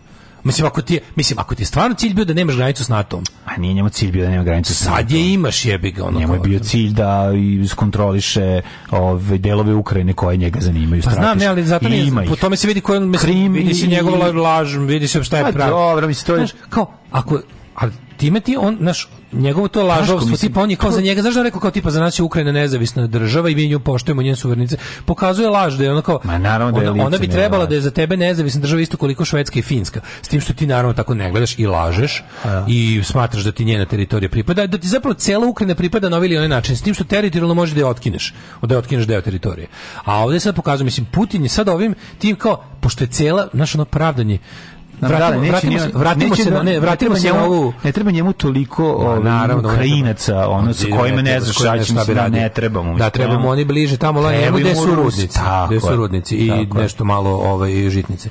Ali je fore što, ovaj, znaš, vratimo se na ono da ti kada pitaš ovde u jebenoj Srbiji, onu anketu, ko je kriv za rat u Ukrajini? 54% tvrdi da je NATO kriv za rat u pa da, Ukrajini. Pa da. Znaš, ne možeš voleti NATO ni malo. Znači, ni malo može biti protiv NATO, ali kao postoji, kao, kako je NATO kriv za rat u Ukrajini? Kako? Pa mislim sad ako ulazimo u glave tih ljudi pa da ti objasnim kako su, on to mi To su svi, to svi do jednog. Ljudi koji kažu krive NATO, to su ljudi koji smatraju da je žena kriva kad je silovana. To je, to je isto. Ja sam siguran da je, da je preklapanje ta dva skupa krug. Znači siguran sam da je preklapanje ta dva skupa krug ono. Apsolutno. Znači da je to kako ti kažem, nema šanse da si taj lik ako, ako, ako ne razmišljaš tako. Znaš, neko je rekao u anketi, ne znam, 13% valjda smatra da je Rusija, ne znam, 7% da je Ukrajina, 54% smatra da je, da je NATO. Znaš, i sad ako, ako je to tako, ako se Putin štiti od NATO, pa evo sad je dobio dobio ono utrostručio svoju granicu sa NATO zemljama s tim što ono kao će što, što Rusija, što Švedska i Finska nisu gologuđe kao Ukrajina. Mislim kad ti takve zemlje uđu u već postojeći najjači savez vojni na svetu, taj sa, NATO je konačno ojačao jako svojim ono znači sad je NATO zadnjih pet proširenja NATO su bila realno trošenje NATOih para kad primiš Albaniju i Crnu Goru, mislim ti tu trošiš pare. To oni koštaju, oni su ono kao razumeš, više ćeš da, i kad kupe tu tvoju opremu, mislim šta može vojska Crne Gore kupi da ti se to isplati. Ti si u realno, realno si ti od ove bogatije članice su tu njima finansirale da bud, da, da teritorijalno se prošire NATO. A ovo sad sad im ulaze zaista dve skupe zemlje u NATO. I ovo stvari posle godina NATOvog stagniranja, gubljenja na važnosti i Trumpovog gotovo gotovo izravnog miniranja NATO. Ne. Da. NATO Trump je mogao da, da bilo, bilo blizu da se znaš da rekao neće Amerika da plaća više ove mm. troškove NATO i ostale stvari. To je bilo to skandalozna izjava za, za, za NATO. I umalo je došlo do do ono nekakvog prvi put bi se desilo da neko izađe na ocem ono kad je Francuska na četiri godine izašla iz mhm. NATO da nešto da drvi kurac. Ali ovako to se inače niko ne izašao iz NATO, mislim. Ove, i, i sad je to moglo da se desiti. Međutim, sve posle, posle eto, 60-70 godina, on ima jedno ozbiljno, je znači, čak kao dve, dve, dve zemlje u rangu najbogatijih na svetu su ušle u, u već najjači vojni savez. Tako da ne znam šta je Putin postigao.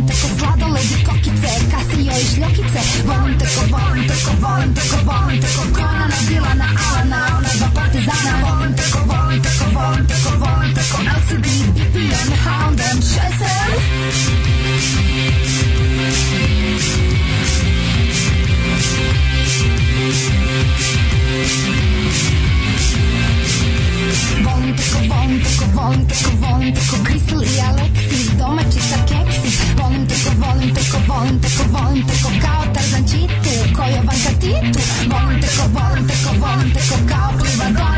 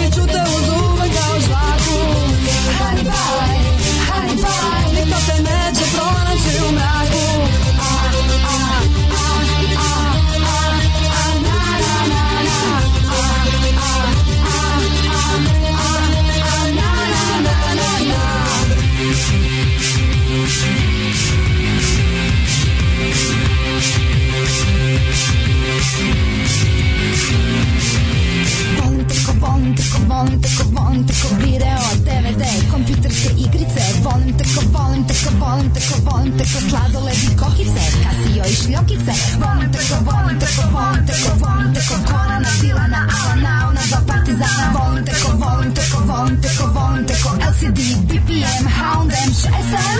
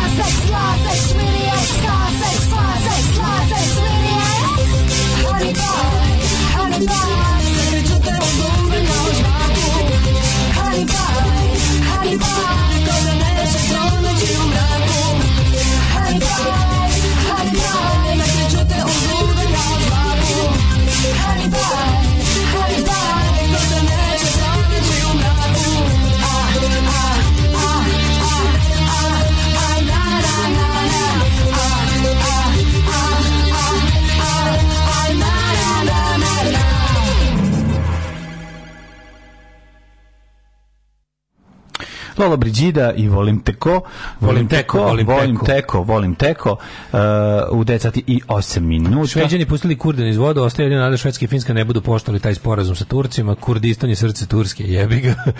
Ove, uložite malo u Android app, stalno puca, vraćam se iz pošte, punih ruku, moram sve da spustim da restartujem aplikaciju, zar vam nije žao? Evo, Srki sad završio krov, tako, sad će da se baci na popravku aplikacije. Tako, tako. To je pod zastavom, kao pod zastavom Muhameda. Znači, mm -hmm. ima ova Apple aplikacija, znači Perfect perfect from the start. Znaš ona lada perfect from the start, ono čuveno kad je ne menjaju ništa.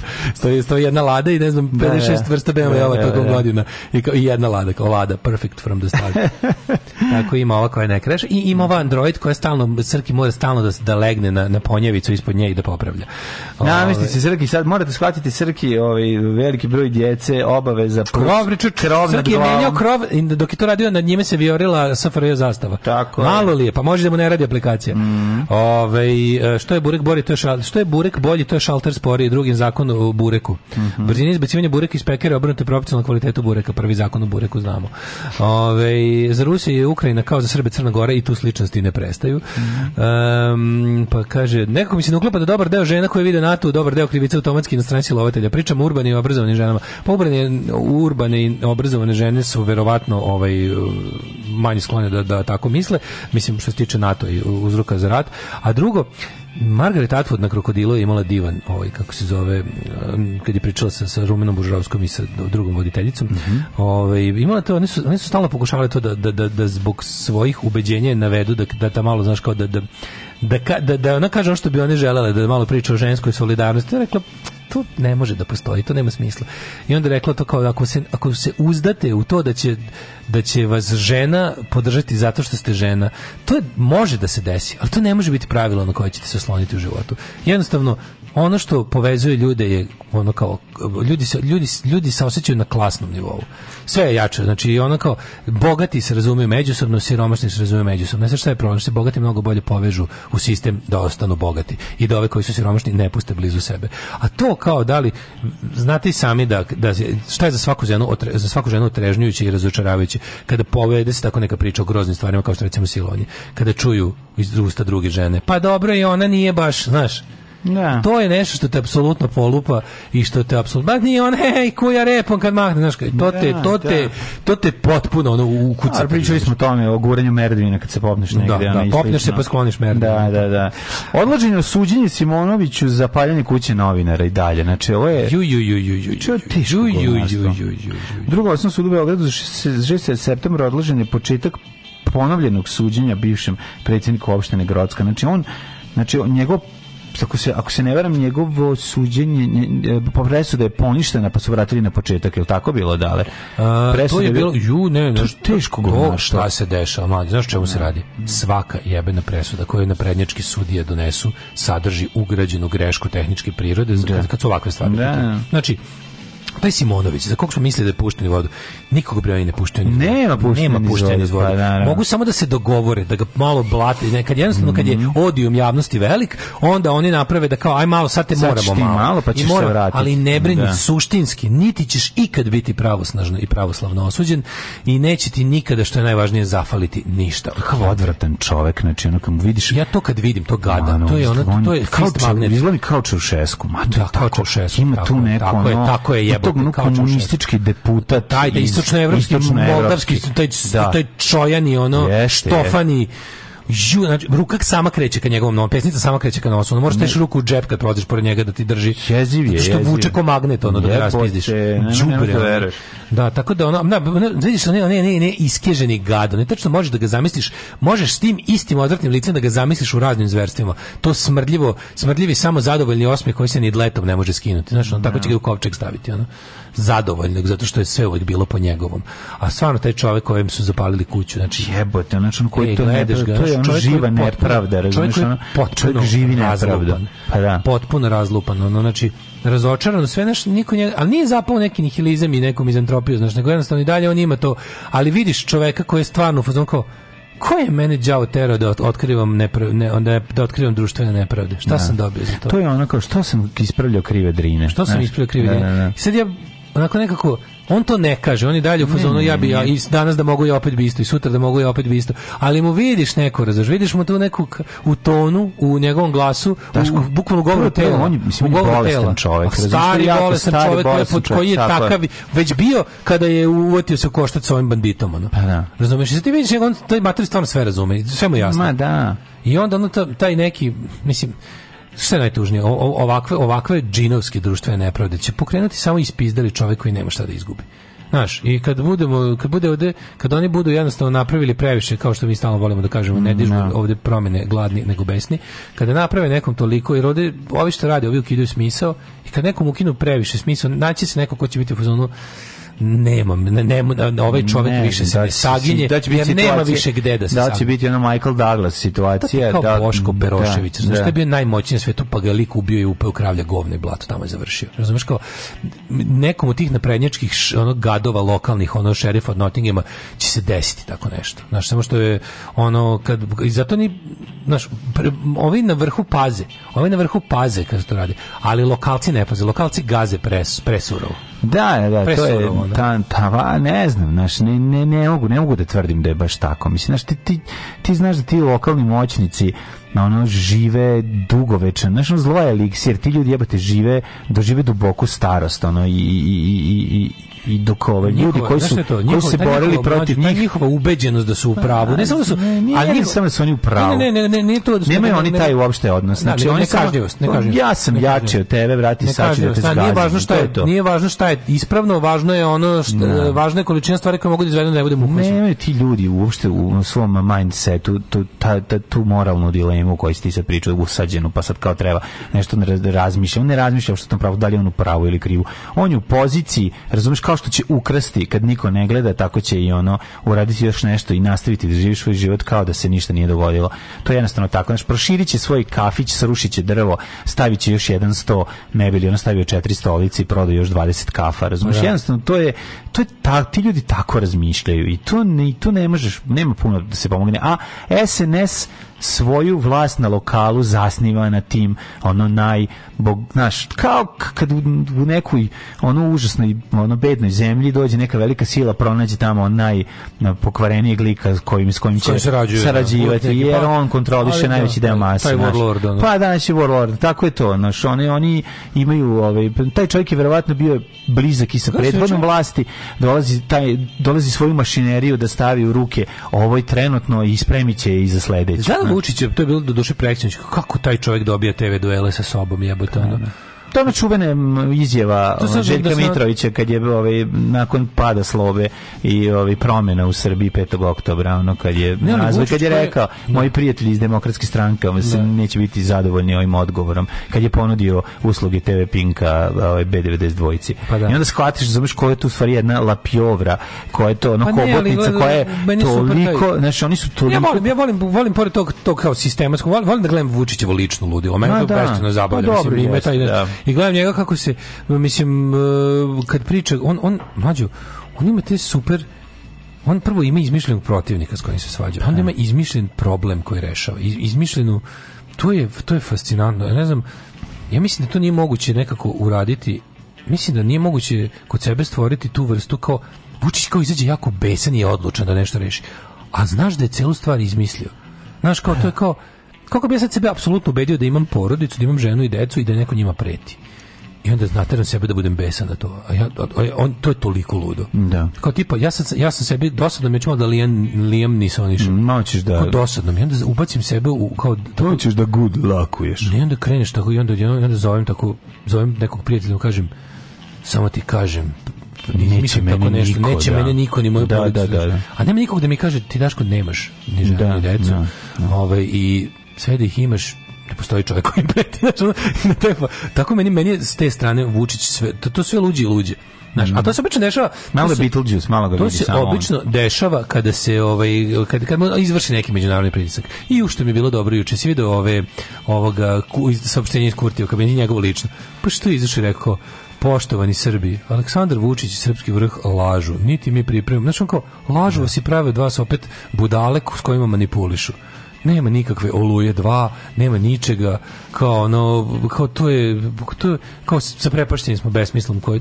I kako to nekako, i sad stoti put, ono, stoti put od kad, od kad imaš na vlasti na Kosovu Kurtija i ovoga ovde, ti si u fazonu kao, evo, opet je premijer lažne države Kosovo ispao bolja faca, iskreni čovek, pošteniji, ono bolji ljudski materijal. Znaš kad ono što smo mi hiljadu puta rekli i što pazi kada kada ovo kažeš, a stigli smo od toga da čak i među u, u najtvrđim nacionalističkim krugovima. Ne mogu te ne mogu da ako, mogu naravno ti kažu a da da te ono na, na način na koji oni sve život pisuju. Ali kao i najgorem srpskom nacionalisti je jasno da je Albin Kurti 100 puta bolji čovjek od Aleksandra pa Vučića. Pa nije. Ma pa jeste. Ma kako? Jeste, jasno. Ne razmišljam. Jasno im je mlađe. Deško, jasno im taj... ne mogu, ali čekaj, ali onda oni to kažu to je eksces zato što znaš kako oni to na sebi objasne. Go, o, zato što pazi, čak i ti najgori nacionalisti mrze, imaju taj a mrz mogu da ga mrze kako hoće. Ma... Gledam ja, gledam ja naj te neke naj najludačkije naloge na Twitteru gde se pišu najveće gluposti. Ma to su ono brate drže neki... se zajedno samo zbog toga. Da, pa drže se zajedno, ali su ali oni fazonu oni kod prema Albancima postoji. Bože, nikad to ne se doveo pitanje. Samo ti kažem da kada dođe do toga da na vlasti u našoj zemlji imaš lika koji je nama loš zato što je loš, nacionalistima loš jer više nije s njima. S druge strane oni vide tog jedno kao tog što ti kažeš kao čoveka koji se bori za kao svoje, ali opet kao oni neki ajde kad su to uvideli ti neki samo sa te neke samo sa te neke kako bi, kako bi rekao, koji je to aspekt? To je neki taj, to čime možeš fascinirati nacionalistu, to srpskog nacionalistu ima, ima Albin Kurti, razumeš? A ovo, za ovu neku, za ovu neku najširu ovaj, masu u Srbiji, tu neku koja, to, to kao najš, narod, ono prosječan, to je stvarno ono, znaš, kao bolno očigledno. Da, imamo, da, da, da, da na Kosovu je vlast čovek koji voli Kosovo, Ma znam ja sam A na, u ne. Srbiji je vlast čovjek koji mrzi svakog čovjeka na svijetu, Koji samo sebe. Da, uh, samo sam stvar te ti kažem. To se vidi. Apropo toga, uh, to se vidi. Ma da, nego samo taj kao cool i ne cool moment, to ti ljudi ne poznaju. To sam, se, to sam teo da ti kažem. Taj osjećaj, on, oni nemaju problem da pogledaju sebe u gledalo i da nakon tog što su sve uradili. A to vraćaš se na... Ba ne, znam ti kažem, taj odnos gde ti tebi je cool to što je ovaj uradio, a, a nije ti cool što je radio, a mislim, naši... Na, pričali smo o tome, nema on, taj oni to sve, uh, ti Simonovići, oni sve to što rade doživljaju, doživljavaju kao survival of the fittest, oni su sebi tako zbog je, toga super. Tako je. Da, da, oni su sebi zbog toga super. A sam mu pokazao, a, znaš, kao, to, to su a sam i šutirao ovog što ležio Jarku, to su, a sam mu pokazao, je, To su znaš. ljudi koji nisu bili dobri u školi, to su ljudi koji su, kojima je čitavo odrastanje bilo zapravo e, kompleksi. Tako znači, ljudi koji nisu ni po čemu bili značajni, nikakve talente nemaju, oni su shvatili, sve se to može nadomestiti jednostavno beskrupuloznošću. Iako, znači čoveka koji zna da svira gitaru, koji zna da peva, pli, naučnika, čoveka koji zna da, da vodi prodavnicu, ne. čoveka koji... Ja to sve Videći mogu da overrajdujem, ja. ja. to sve mogu da presnimim Tako. preko svojim jednostavno, svojim beskrupuložnošću koja nestaje ni pred čim. Alarm! Imamo i zeca, pufnatog. Kupili smo u Niš. Od 7 do 10. Alarm! Alarm sa Daškom i Mlađom.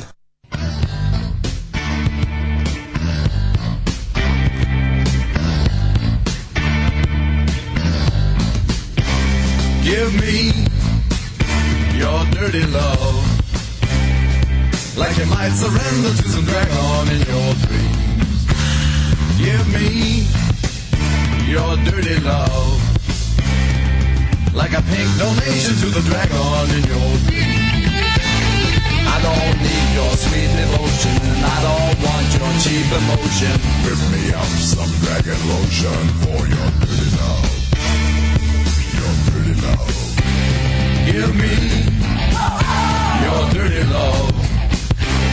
Like some tacky little pamphlet in your daddy's bottom drawer. Give me your dirty love. I don't believe you've never seen his book before. I don't need no consolation. I don't want your reservation. I only got one destination, and that's your dirty love your dirty love.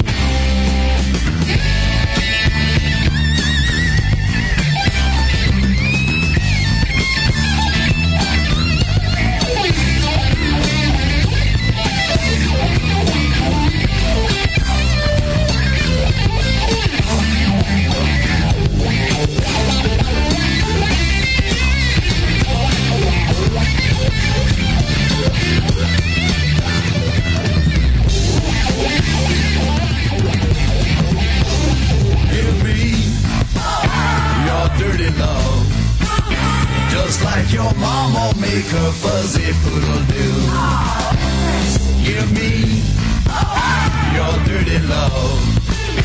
The way your mama make that nasty poodle chew. I'll ignore your cheap aroma and your little more meat diploma. I'll just put you in a coma with some dirty love. Some dirty love. That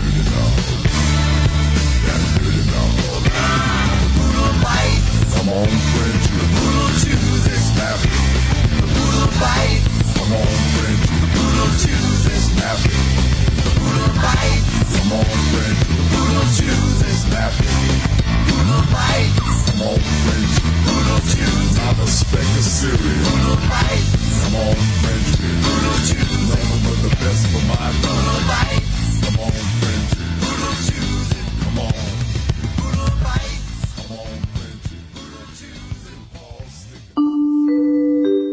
9 je časova. Radio Taško i Mlađa. Prvi program. Četvrtak se prelio na petak. Četvrtak se prelio na petak, juče mm. smo mhm. zaboravili da pa sad tu istorijsku nepravdu ispunjavamo. Mm. Bravo za Zapo, osvežava po vrućini, bio ovo da Frank Zapa. Mm -hmm. Ove, ovaj, imamo nekog u sekti ko vozi na relaciji Beograd Novi Sad aerodrom, da ostanu pare u sekti, pozdrav druga Dušana, u Begu ka Holandiji. I neki taksisti sigurno. Tamo, sve te stvari, ja mislim da je community pravo mesto za takve stvari. Piši, piši. Dosta s dobrom muzikom duše, duže ste krvaranje iz ušiju. Nek makar mlađe nešto odsvira. Ove, e, pa kaže, kad se poče, planira početak meča od veka sutra? Pa ne, nećemo pre, neć, nećemo to tokom prepodne, pa, da. neko rano popodne. Ove, e, Šta još imamo? Kaže, osnovati normalnu TV stanicu s nacionalnom frekvencijom, normalan program, mlađa snima komedije Tako i osnovati je. novi južni veter, Pandan Grandu, možda i neki reality, ali ne ovo što se sad gleda kone dve devojke na selu. Ma ukidamo Da vidiš reality. kako će narod da misli malo normalno. Upravo ste, može to sve da se reši ako postoji želja da se reši, a ne postoji i to je da, suština problema. E, sad ćemo da malo iskrvarišemo mm -hmm. i to je mhm. to, mislim da više ništa ne zrve. Znači, otišao sam, znači, tro, ma, pa, četvoro umim se šta da vam pustim. Ajmo, ajmo, ajmo. Biće dosta sranja ima. Prvo se uzme jedan ovah.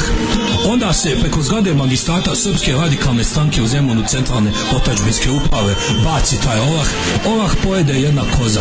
Kozu onda zakoljemo i iz utrobe počitamo koje ćemo Hrvate vaseliti iz okoline. Alarm svakog radnog jutra od 7 do 10.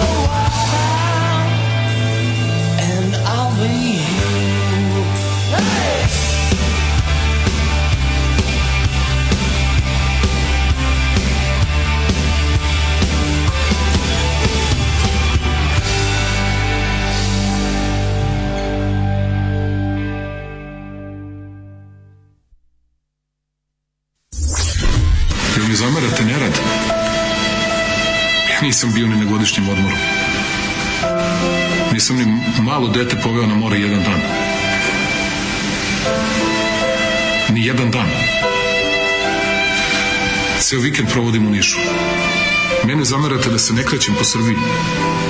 Ja znam svako selo, svaki put. Svaku reku, svaku planinu. Znam Srbiju zašto je volim najviše na svetu. Vi mi zamirate to što nisam stigao svuda da odem. I na kraju stignem svuda. Na kraju sam stigao i u Gornje nedeljice. Alarm svakog radnog jutra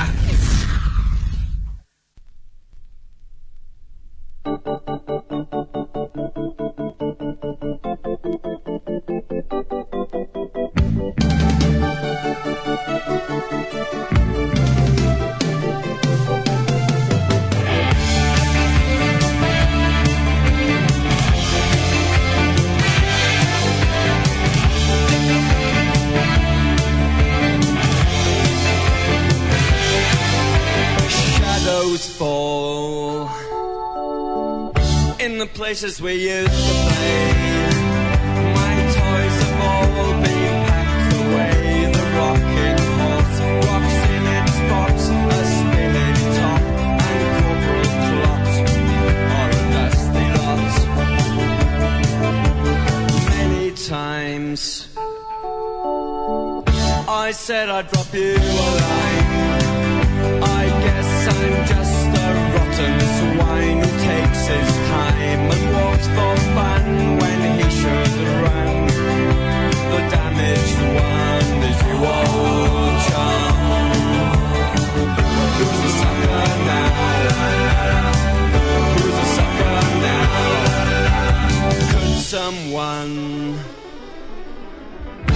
some light on this love affair.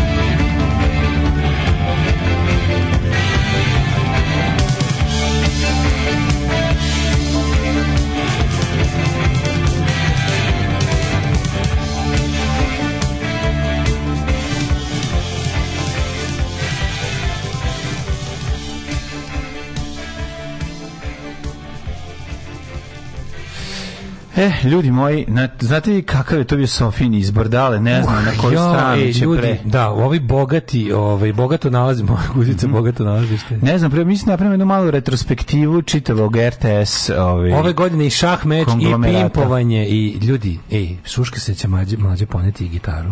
Ma, vidjet ćemo. Šuške se. Pa hoćemo da ćemo raditi i ovaj... samo da, da, da, da, želim, da. da ti, želim da ti ovaj, kako se zove, da te olakšam.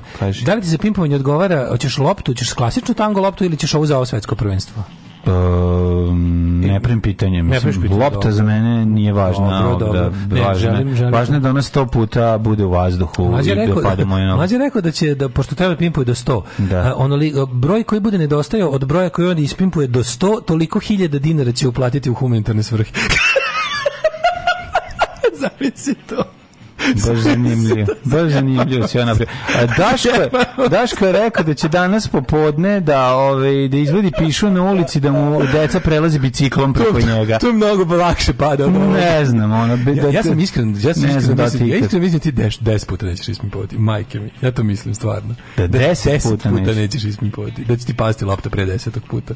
Pre desetog puta, si da. ti normalan. Da, Ta ja to stvarno mislim. Ne znam, vidjet ću. Pa zato što ti sve ljude, ti sve polaziš od sebe. Pa nije, nego nekako... Pa nije, ja, meni je strašno zašto ću povređen i To mi je baš pa ja, problem. Ja, pa nije ozbiljno da. ti kažem. Pa nije se to, bez ezanja. Znaš kako, me, znaš kako mi je strašno, ubi me, obiš, ubi me leva noga. Stvarno imam ozbiljan problem. Nemoj monte miruj mi danas. Pa če ja mirujem, šta, šta radim? Da- evo te, pa ne, nego... Češ da odložimo pimpovanje pa sledeći ovaj... Ne ne bi za sledeći. Ne, a ja jedino, ako stvarno me bude ovako bolelo, ovi, odložit ću ga za 15. jul, kad budemo odlazili ovde pred svima ovih pet ljudi što budu se zajedno sa nama selili za slučaj da stvarno ne budem bio u stanju jer me jako boli leva noga baš baš imam problem ono vidi se da vučem i ne znam se sad sam uzeo popio sam diklofenak duo malo mi je ono od, o, otpustilo, ali voli, je, pa popiću kad prođe vreme još jedan. Popni dva odjednom čovječ, dva odjednom. Jako voli noga. Ja, znači- diklofenak duo, ko tretiram kao duo. Ovih pa dva pa dva, neko baš, baš dva me A da li, ti stvarno, ti, ti nisi svestan. Koliko ti dobro da, pimaš? Da, mislim, ja nisam trenirao za ovo, jednostavno to je prirodno kod mene. Duh Sokratesa i Piksija će biti uz mene taj dan. Znači, ja ću ti, ja ću sto komada ispilgnati samo tako, to je, to je sto posto Mlađo, petak je, a ti znaš šta to znači, pusti metal, pusti Asian Hooker od Steel Panther po tvom izboru. Na, znam, ne mogu pustiti, sad treba puštamo. Neće, kaže, neće ni jednom uspeti, ali neće, ni jednom, jednom, mogu i ja, ja mogu dva puta mogu dva puta, treći mi, treći bi mi već palo. E, lepo, ovo sutra želim za nas koji smo u zadnjem krugu sekte, mi čekamo čavare u staklenoj zgradi. Ove, e, idemo da slušamo sad ovo, znači ljudi, ja sam Otišao sam na, na kanal ovoga, iskopao sam kanal PGP RT, RTS, oni su u zadnjih mjesec dana podivljali produkciju. Mm -hmm. To su, to je neko... neko Ostalo pala, tre, to para treba izbaciti znači, dosta toga. To je neko, znači, razvaljena bulja iz koje curi proliv. Znači, mm -hmm. to je, ne možete da verujete.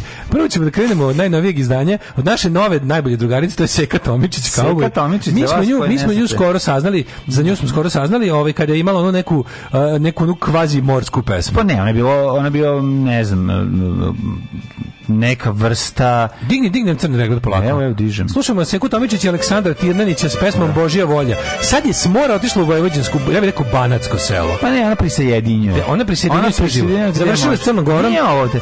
Ovaj zvuk je... Čekaj, čekaj. Ovaj zvuk je, bre, ono, klasičan. Seka Tomičić je uzela da... Svakog dana ja se pitam što mi... Čije je sekam riba? Znači, čije je riba? Nema veze čije Ko su ovi ljudi? Ko je Aleksandar Tirnanić? Bre, nju... Nite ljubavi da sad ovdje, ovdje naravno vrednosti više u spotu i u tome da ona kad je, kad je završila sa prisjedinjavanjem Crne Gore, vraća se na ono što večito treba prisjediniti, a to su severni, takozvani severni krajevi. Pa da. Pa kaže. života ti, ja sam Jel vidiš, ona baš što može nije u redu pa se ovim baviš. Pogledaš oči ona je pra, prava kafanska pevačica, šta? Ali nije, taj glas. Luđe, ona uopšte to nije. Za nju niko ne zna. Da starija žena, ona već ima ja bih rekao da je žena u 40-im, pa to nije starija žena. A dobro, ne znam, više 50. Ko počinje karijeru kafanske pevačice u 40 Pa ne mislim da počinje, nego nije da. bila poznata. A ne, moguće, bre, znao bi je internet negde nekako. Ne. Ovaj... za tebe daje Na sve s tobom ja pristajem dragi Ne znam, Beograd 2. Ne, Đubre, Đubre, teško Beograd 2. Đubre, da Beograd 2, znaš da ti naleti neki narod. To pregledamo što ima na, znači ovo ovo se seka tamo znači. znači Promena da na na radio televiziji Vojvodine. Inače izašao i Best of grupe Alisa na dva CD-a, pa su mhm. izdali spot za, za pesmu Boško Buha koju su snimili 80-ih. Mhm. Oni su ju sad snimili ponovo. Sad ćemo vidimo grupu Lift. To su oni, ako ih se sećate, grupa Lift. Oni mladi neki. To su oni mladi, ali ništa što smo se s njima što su sav naš gnev dobili. Oni oni onako što su ih roditelji upisali na rok, roditelji staklene zgrade su Ajde upisali vidim to, Kako su e, stavili. Ja mislim da Van Gogas to e, bilo. Van Gogas to je bilo, sećaš se mhm, dobro. Mladi da, Van Gogh, da, međutim, oni su sad malo malo dodali, pošto se pesma se zove Gorimo. Možda mislite. Pa da kaže još, ovako. Su hteli malo još mladi da budu. Samo malo se zakuva. Ima zakuva. Oni idu u kolima, lift Ulaze i u lift. vidikuje. Pa kaže. Kreće pejs. Ozbiljni su. Pa Počni s basom. Dobar oj. Dobar oj uvijek počinje s basom. City's burning in the summer. Skinsi mogli da skaču. U tami tražim svoj put.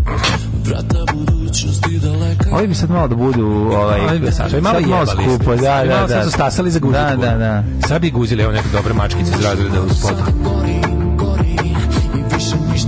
A ima bučke, bučke. A nego šta? Ovo je baš bučke sa AliExpressa. Da, da, bučke. Da. Bučke, da. bučke, bučke sa AliExpressa. Ne, bučke je već bučke sa AliExpressa. Jako, jako dobre skupa krugdojke mačkice uz pod. Znaš kako lepotinja mala ona baš mlađi ono. Dobro, mladi su, baš su klinci, zar ne, ne vidim se potpuno. Posebno godina. Čekaj da čujemo pesmu malo. Samo ne budi, samo ne budi me. 512 pregleda za nelju dana, pa svaka čast. A jebik grupa Lip. Ali se mu krlo slavu, slavu. Pa kaže, ajmo. Ajde, jadno. A si ga presekli. Pa imali ste priliku za refren. A kako ste priliku za refren imali? Malo će tri Pa će budu Coldplay. Šu, kako ste veštački. Pogledaj kakvi veštački klinci. Ona. Ja sam oduševljen. Ne, oni su skroz pogledali. Cijeli su Nije, nego su stariji. Nego što, hoće da budu stariji nego što jesu. To je problem. To je bila grupa Lift. Pokazujemo širinu izbora. Ovaj, kako se zove. Sad ćemo... Ovog leta vas PGP pogađa. PGP, da da, da, da, da, da, da. Sad ćemo upoznamo da devojčicu koja se zove... Devojku iz... Mm -hmm. Nastavlja se prisjedinjenje devojka Monika Knezović. Monika Knezović uh, iz Podgorice. Koja će da nam objasniti kako Crna Gora je ponovo je, još jedno Knezović, oko u znači, glavi. Znači, ovo je teška dritanizacija u muzici. Mm Znači, i dalje otkrivamo mlade talente lojalne Srbije iz Podgorice mm -hmm. i, ovaj, kako se zove, tamo pronalazimo Moniku Knezović. Čičale garant neki, ovaj, kako se zove... Knezović Petrolović. Pa ja bih rekao da neki Knezović Petrolović, pošto vidite, mislim, mala stvarno jako zgodna i lepa i, nažalost, iskazala je želju da se bavi muzikom. Mm -hmm. Pa ćemo slušati njenu pesmu zakratko Molekul. E, ajmo, sve, pa mi smo pričali juče kako treba da, se... Pa da, pa da, pa da, da, to da, zato, je, zato sam izdvojio kako slatko. Ona je kao pametna. Hajmo da čujemo. Pa kaže, ajde. Nije mrak tako jak kad na svjetlo pada. Znam da Lepa, prezgodna crnogorka, ja sam sucker for that, ja, da. na to, ja to odmah padnem na dupe. I ove... Ovaj- molekula, to su mesta u crnogorskom ribolju, od molekula molekula. molekula. Vidi Moniku Knezović. Monika je snimila... Ja reću da čale, da gazda hotela, ta to bi rekao. A možda i nije. molekula.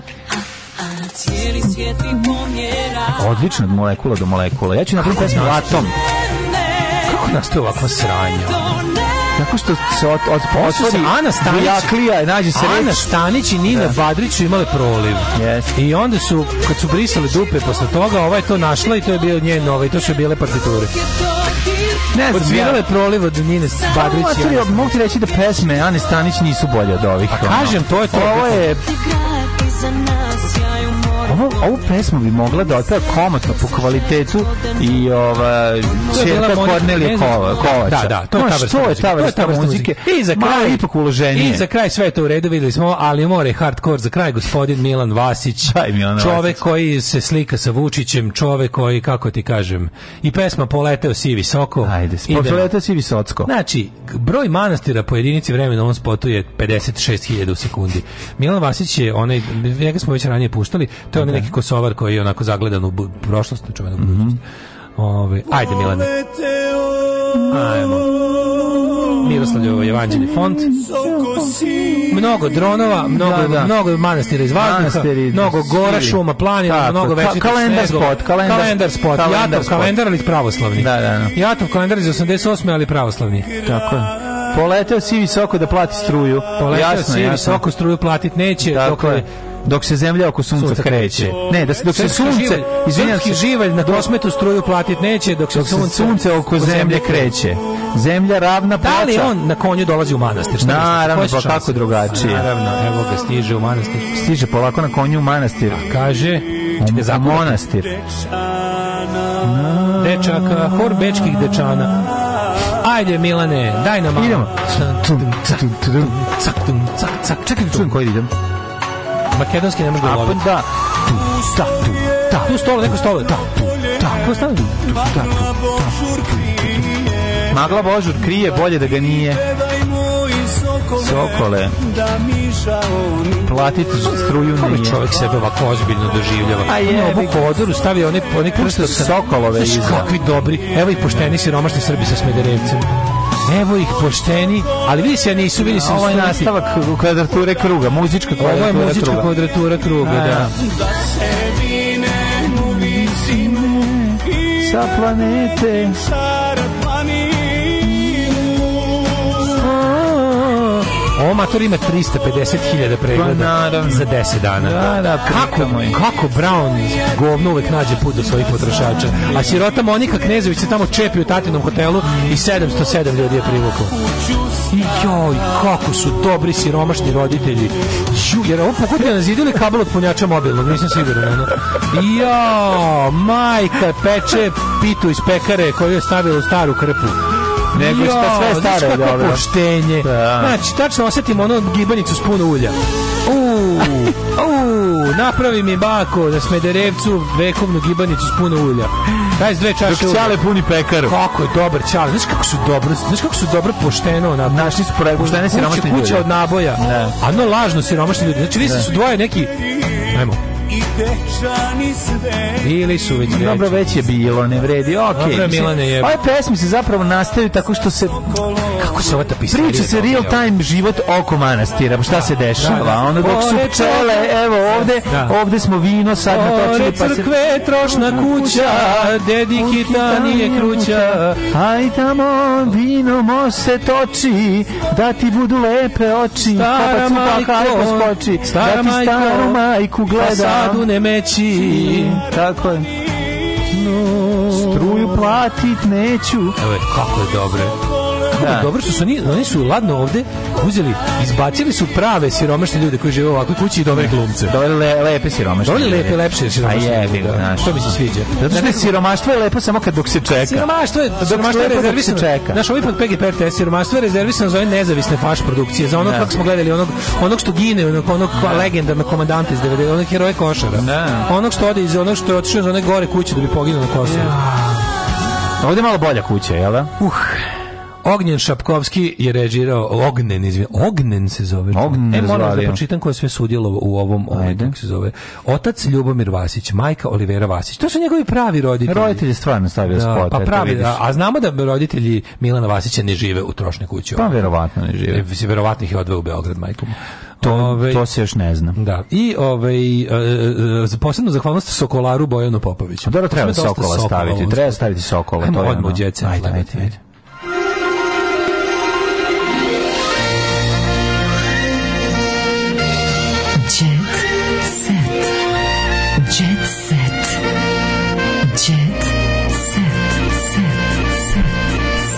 suma sumarom Dugo Brown leto se sprema. Dugo tako, Brown što bi rekli đa, đavoli, je Kaže, tako? Sokrate Sokratesa će biti uz mlađu.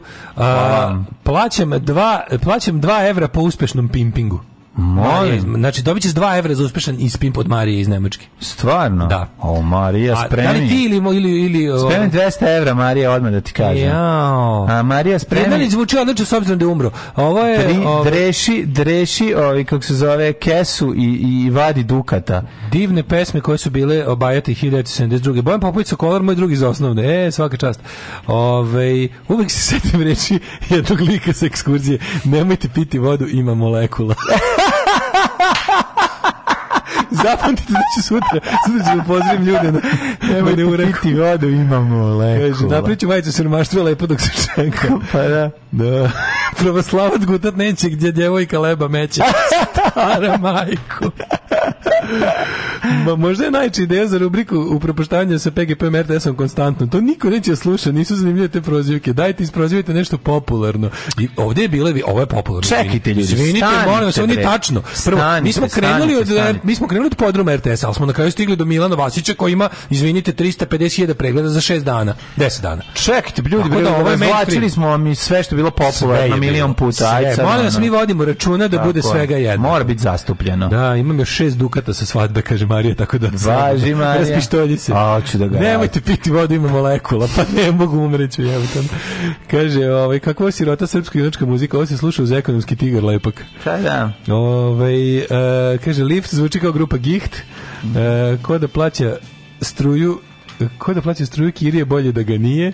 Mhm. E, mlađe ni slučajno duplu dozu diklofenaka. Ne, ću uzimati duplo. Ja uzim dva pa prošli. Prošli put kad me bilo kočilo, ja roknu dva i onda mi je bilo bolje. Jo, prika, priko, ubiše me leđe. Znači, ne znam ošte kako ti opišem koja, koja ne To baš sad o, o, o, o pimpovanju da mi se desi. O, o, a dobro. Baš o pimpovanju. Baš me nervira. Šta ste radio juče? Sede u frižideru, onda je na promaj bio. Nisam, baš onda je nosio... Utovario sam, utovario sam jako puno šuta juče. Daj nam brzo, daj nam brzo sad smo u djeca, to ne slušaš. Pa znam da brzi. Takmičari se razmirili od Kanade do Slovenije, gde provede provode leto Survivors i već ste. Već Oni nisu tamo nazvalo završeno izgleda to. Mislim da su oni tamo. To, ko je pobedio u Survivoru? Pa ne znam, te ništa ti ne znači, jer ono nemaš pojma, ne znam ni ja nikogo. E, supru Kortnika Dašijan hitno hospitalizovan. Šta ti ljudi, izvinite, ali... Šta ni Vrška Kardashian? Pa ne sa njihovim, to nešto malo, su oni neke borđije. To. Žena Boki je Lexingtona trudna. Je Vaskovići čekaju treće dete, ona podelila fotku sa Stomačićem, to Evo. je lepo. Mlađo, ovaj, Marina Visković, ja ne mogu da preživim bez 3000 evra mesečno. Marina Visković. Ne može da preživi, kaže ovako, gostujući u Ami G show Marina je dobila škakljivo pitanje, pa se snebila da odgovori, na kraju ipak piznala. Minimum novca s kojim raspolaže, minimum mi je 3000 evra. Evo sad razmišljam, minimum mm. minimuma i to da budem skromna. Ajde, 3000 evra. Zaista imam puno ulaganja. Ja pa sam isticala da ne znam s financijama, ja ne znam koliko trošim, ali 3000 evra mesečno sigurno. Sreća moja. Mm -hmm. Vladan Savić ide na psihoterapiju, frontman grupe Magla Band. Nakon što je naprodavao ono, Blogirka Jovana Jocić i Vladan Savić odlučili su da stave tačku na svoj odnos. O ne, mm -hmm. zar blogirku. Voleo je lepu, al blogerku i odlučio da krene na psihoterapiju kao da se izvuče iz posledica mm -hmm. loma veze sa blogerkom. Slađana Leblašić, 54 godine, baba utegnuta ko praćka, Fuck tako yeah. piše. Pevačica pokazala te bušnjake yeah. i telo od milion dolara, toliko košta to telo. onaj užasni band Five Finger Death Punch na Taš Majdan. Car Krvnički ubacio Delilu u bazen i držao je glavu ispod vode. Ale, ale. Gušila se, molila za pomoć. Šta rade ovi ljudi? Jo, majko mila, ubice moga oca šest, tokom snimanja serije smo postali dobri prijatelji. Postali ste i neprijatelji ljudi koji imaju oči i uši. Čemu jebote. Jelena Đoković nosi cipele od 1000 evra. Mhm. Mm što je to para, problem? Što je to pit problem, ono pa mislim. A dobro, cipele od 1000 evra nisu. možda kupi još dva para za za, pa ne, za, za stvarno.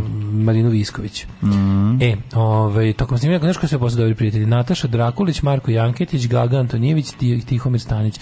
A vidi mm -hmm. a Vuk Kostić, vidi Vuk Kostić što obuku kombat i to ne old school kombat. Mm -hmm. Što je opastan, vidi Jeste. Ga, stari frajer.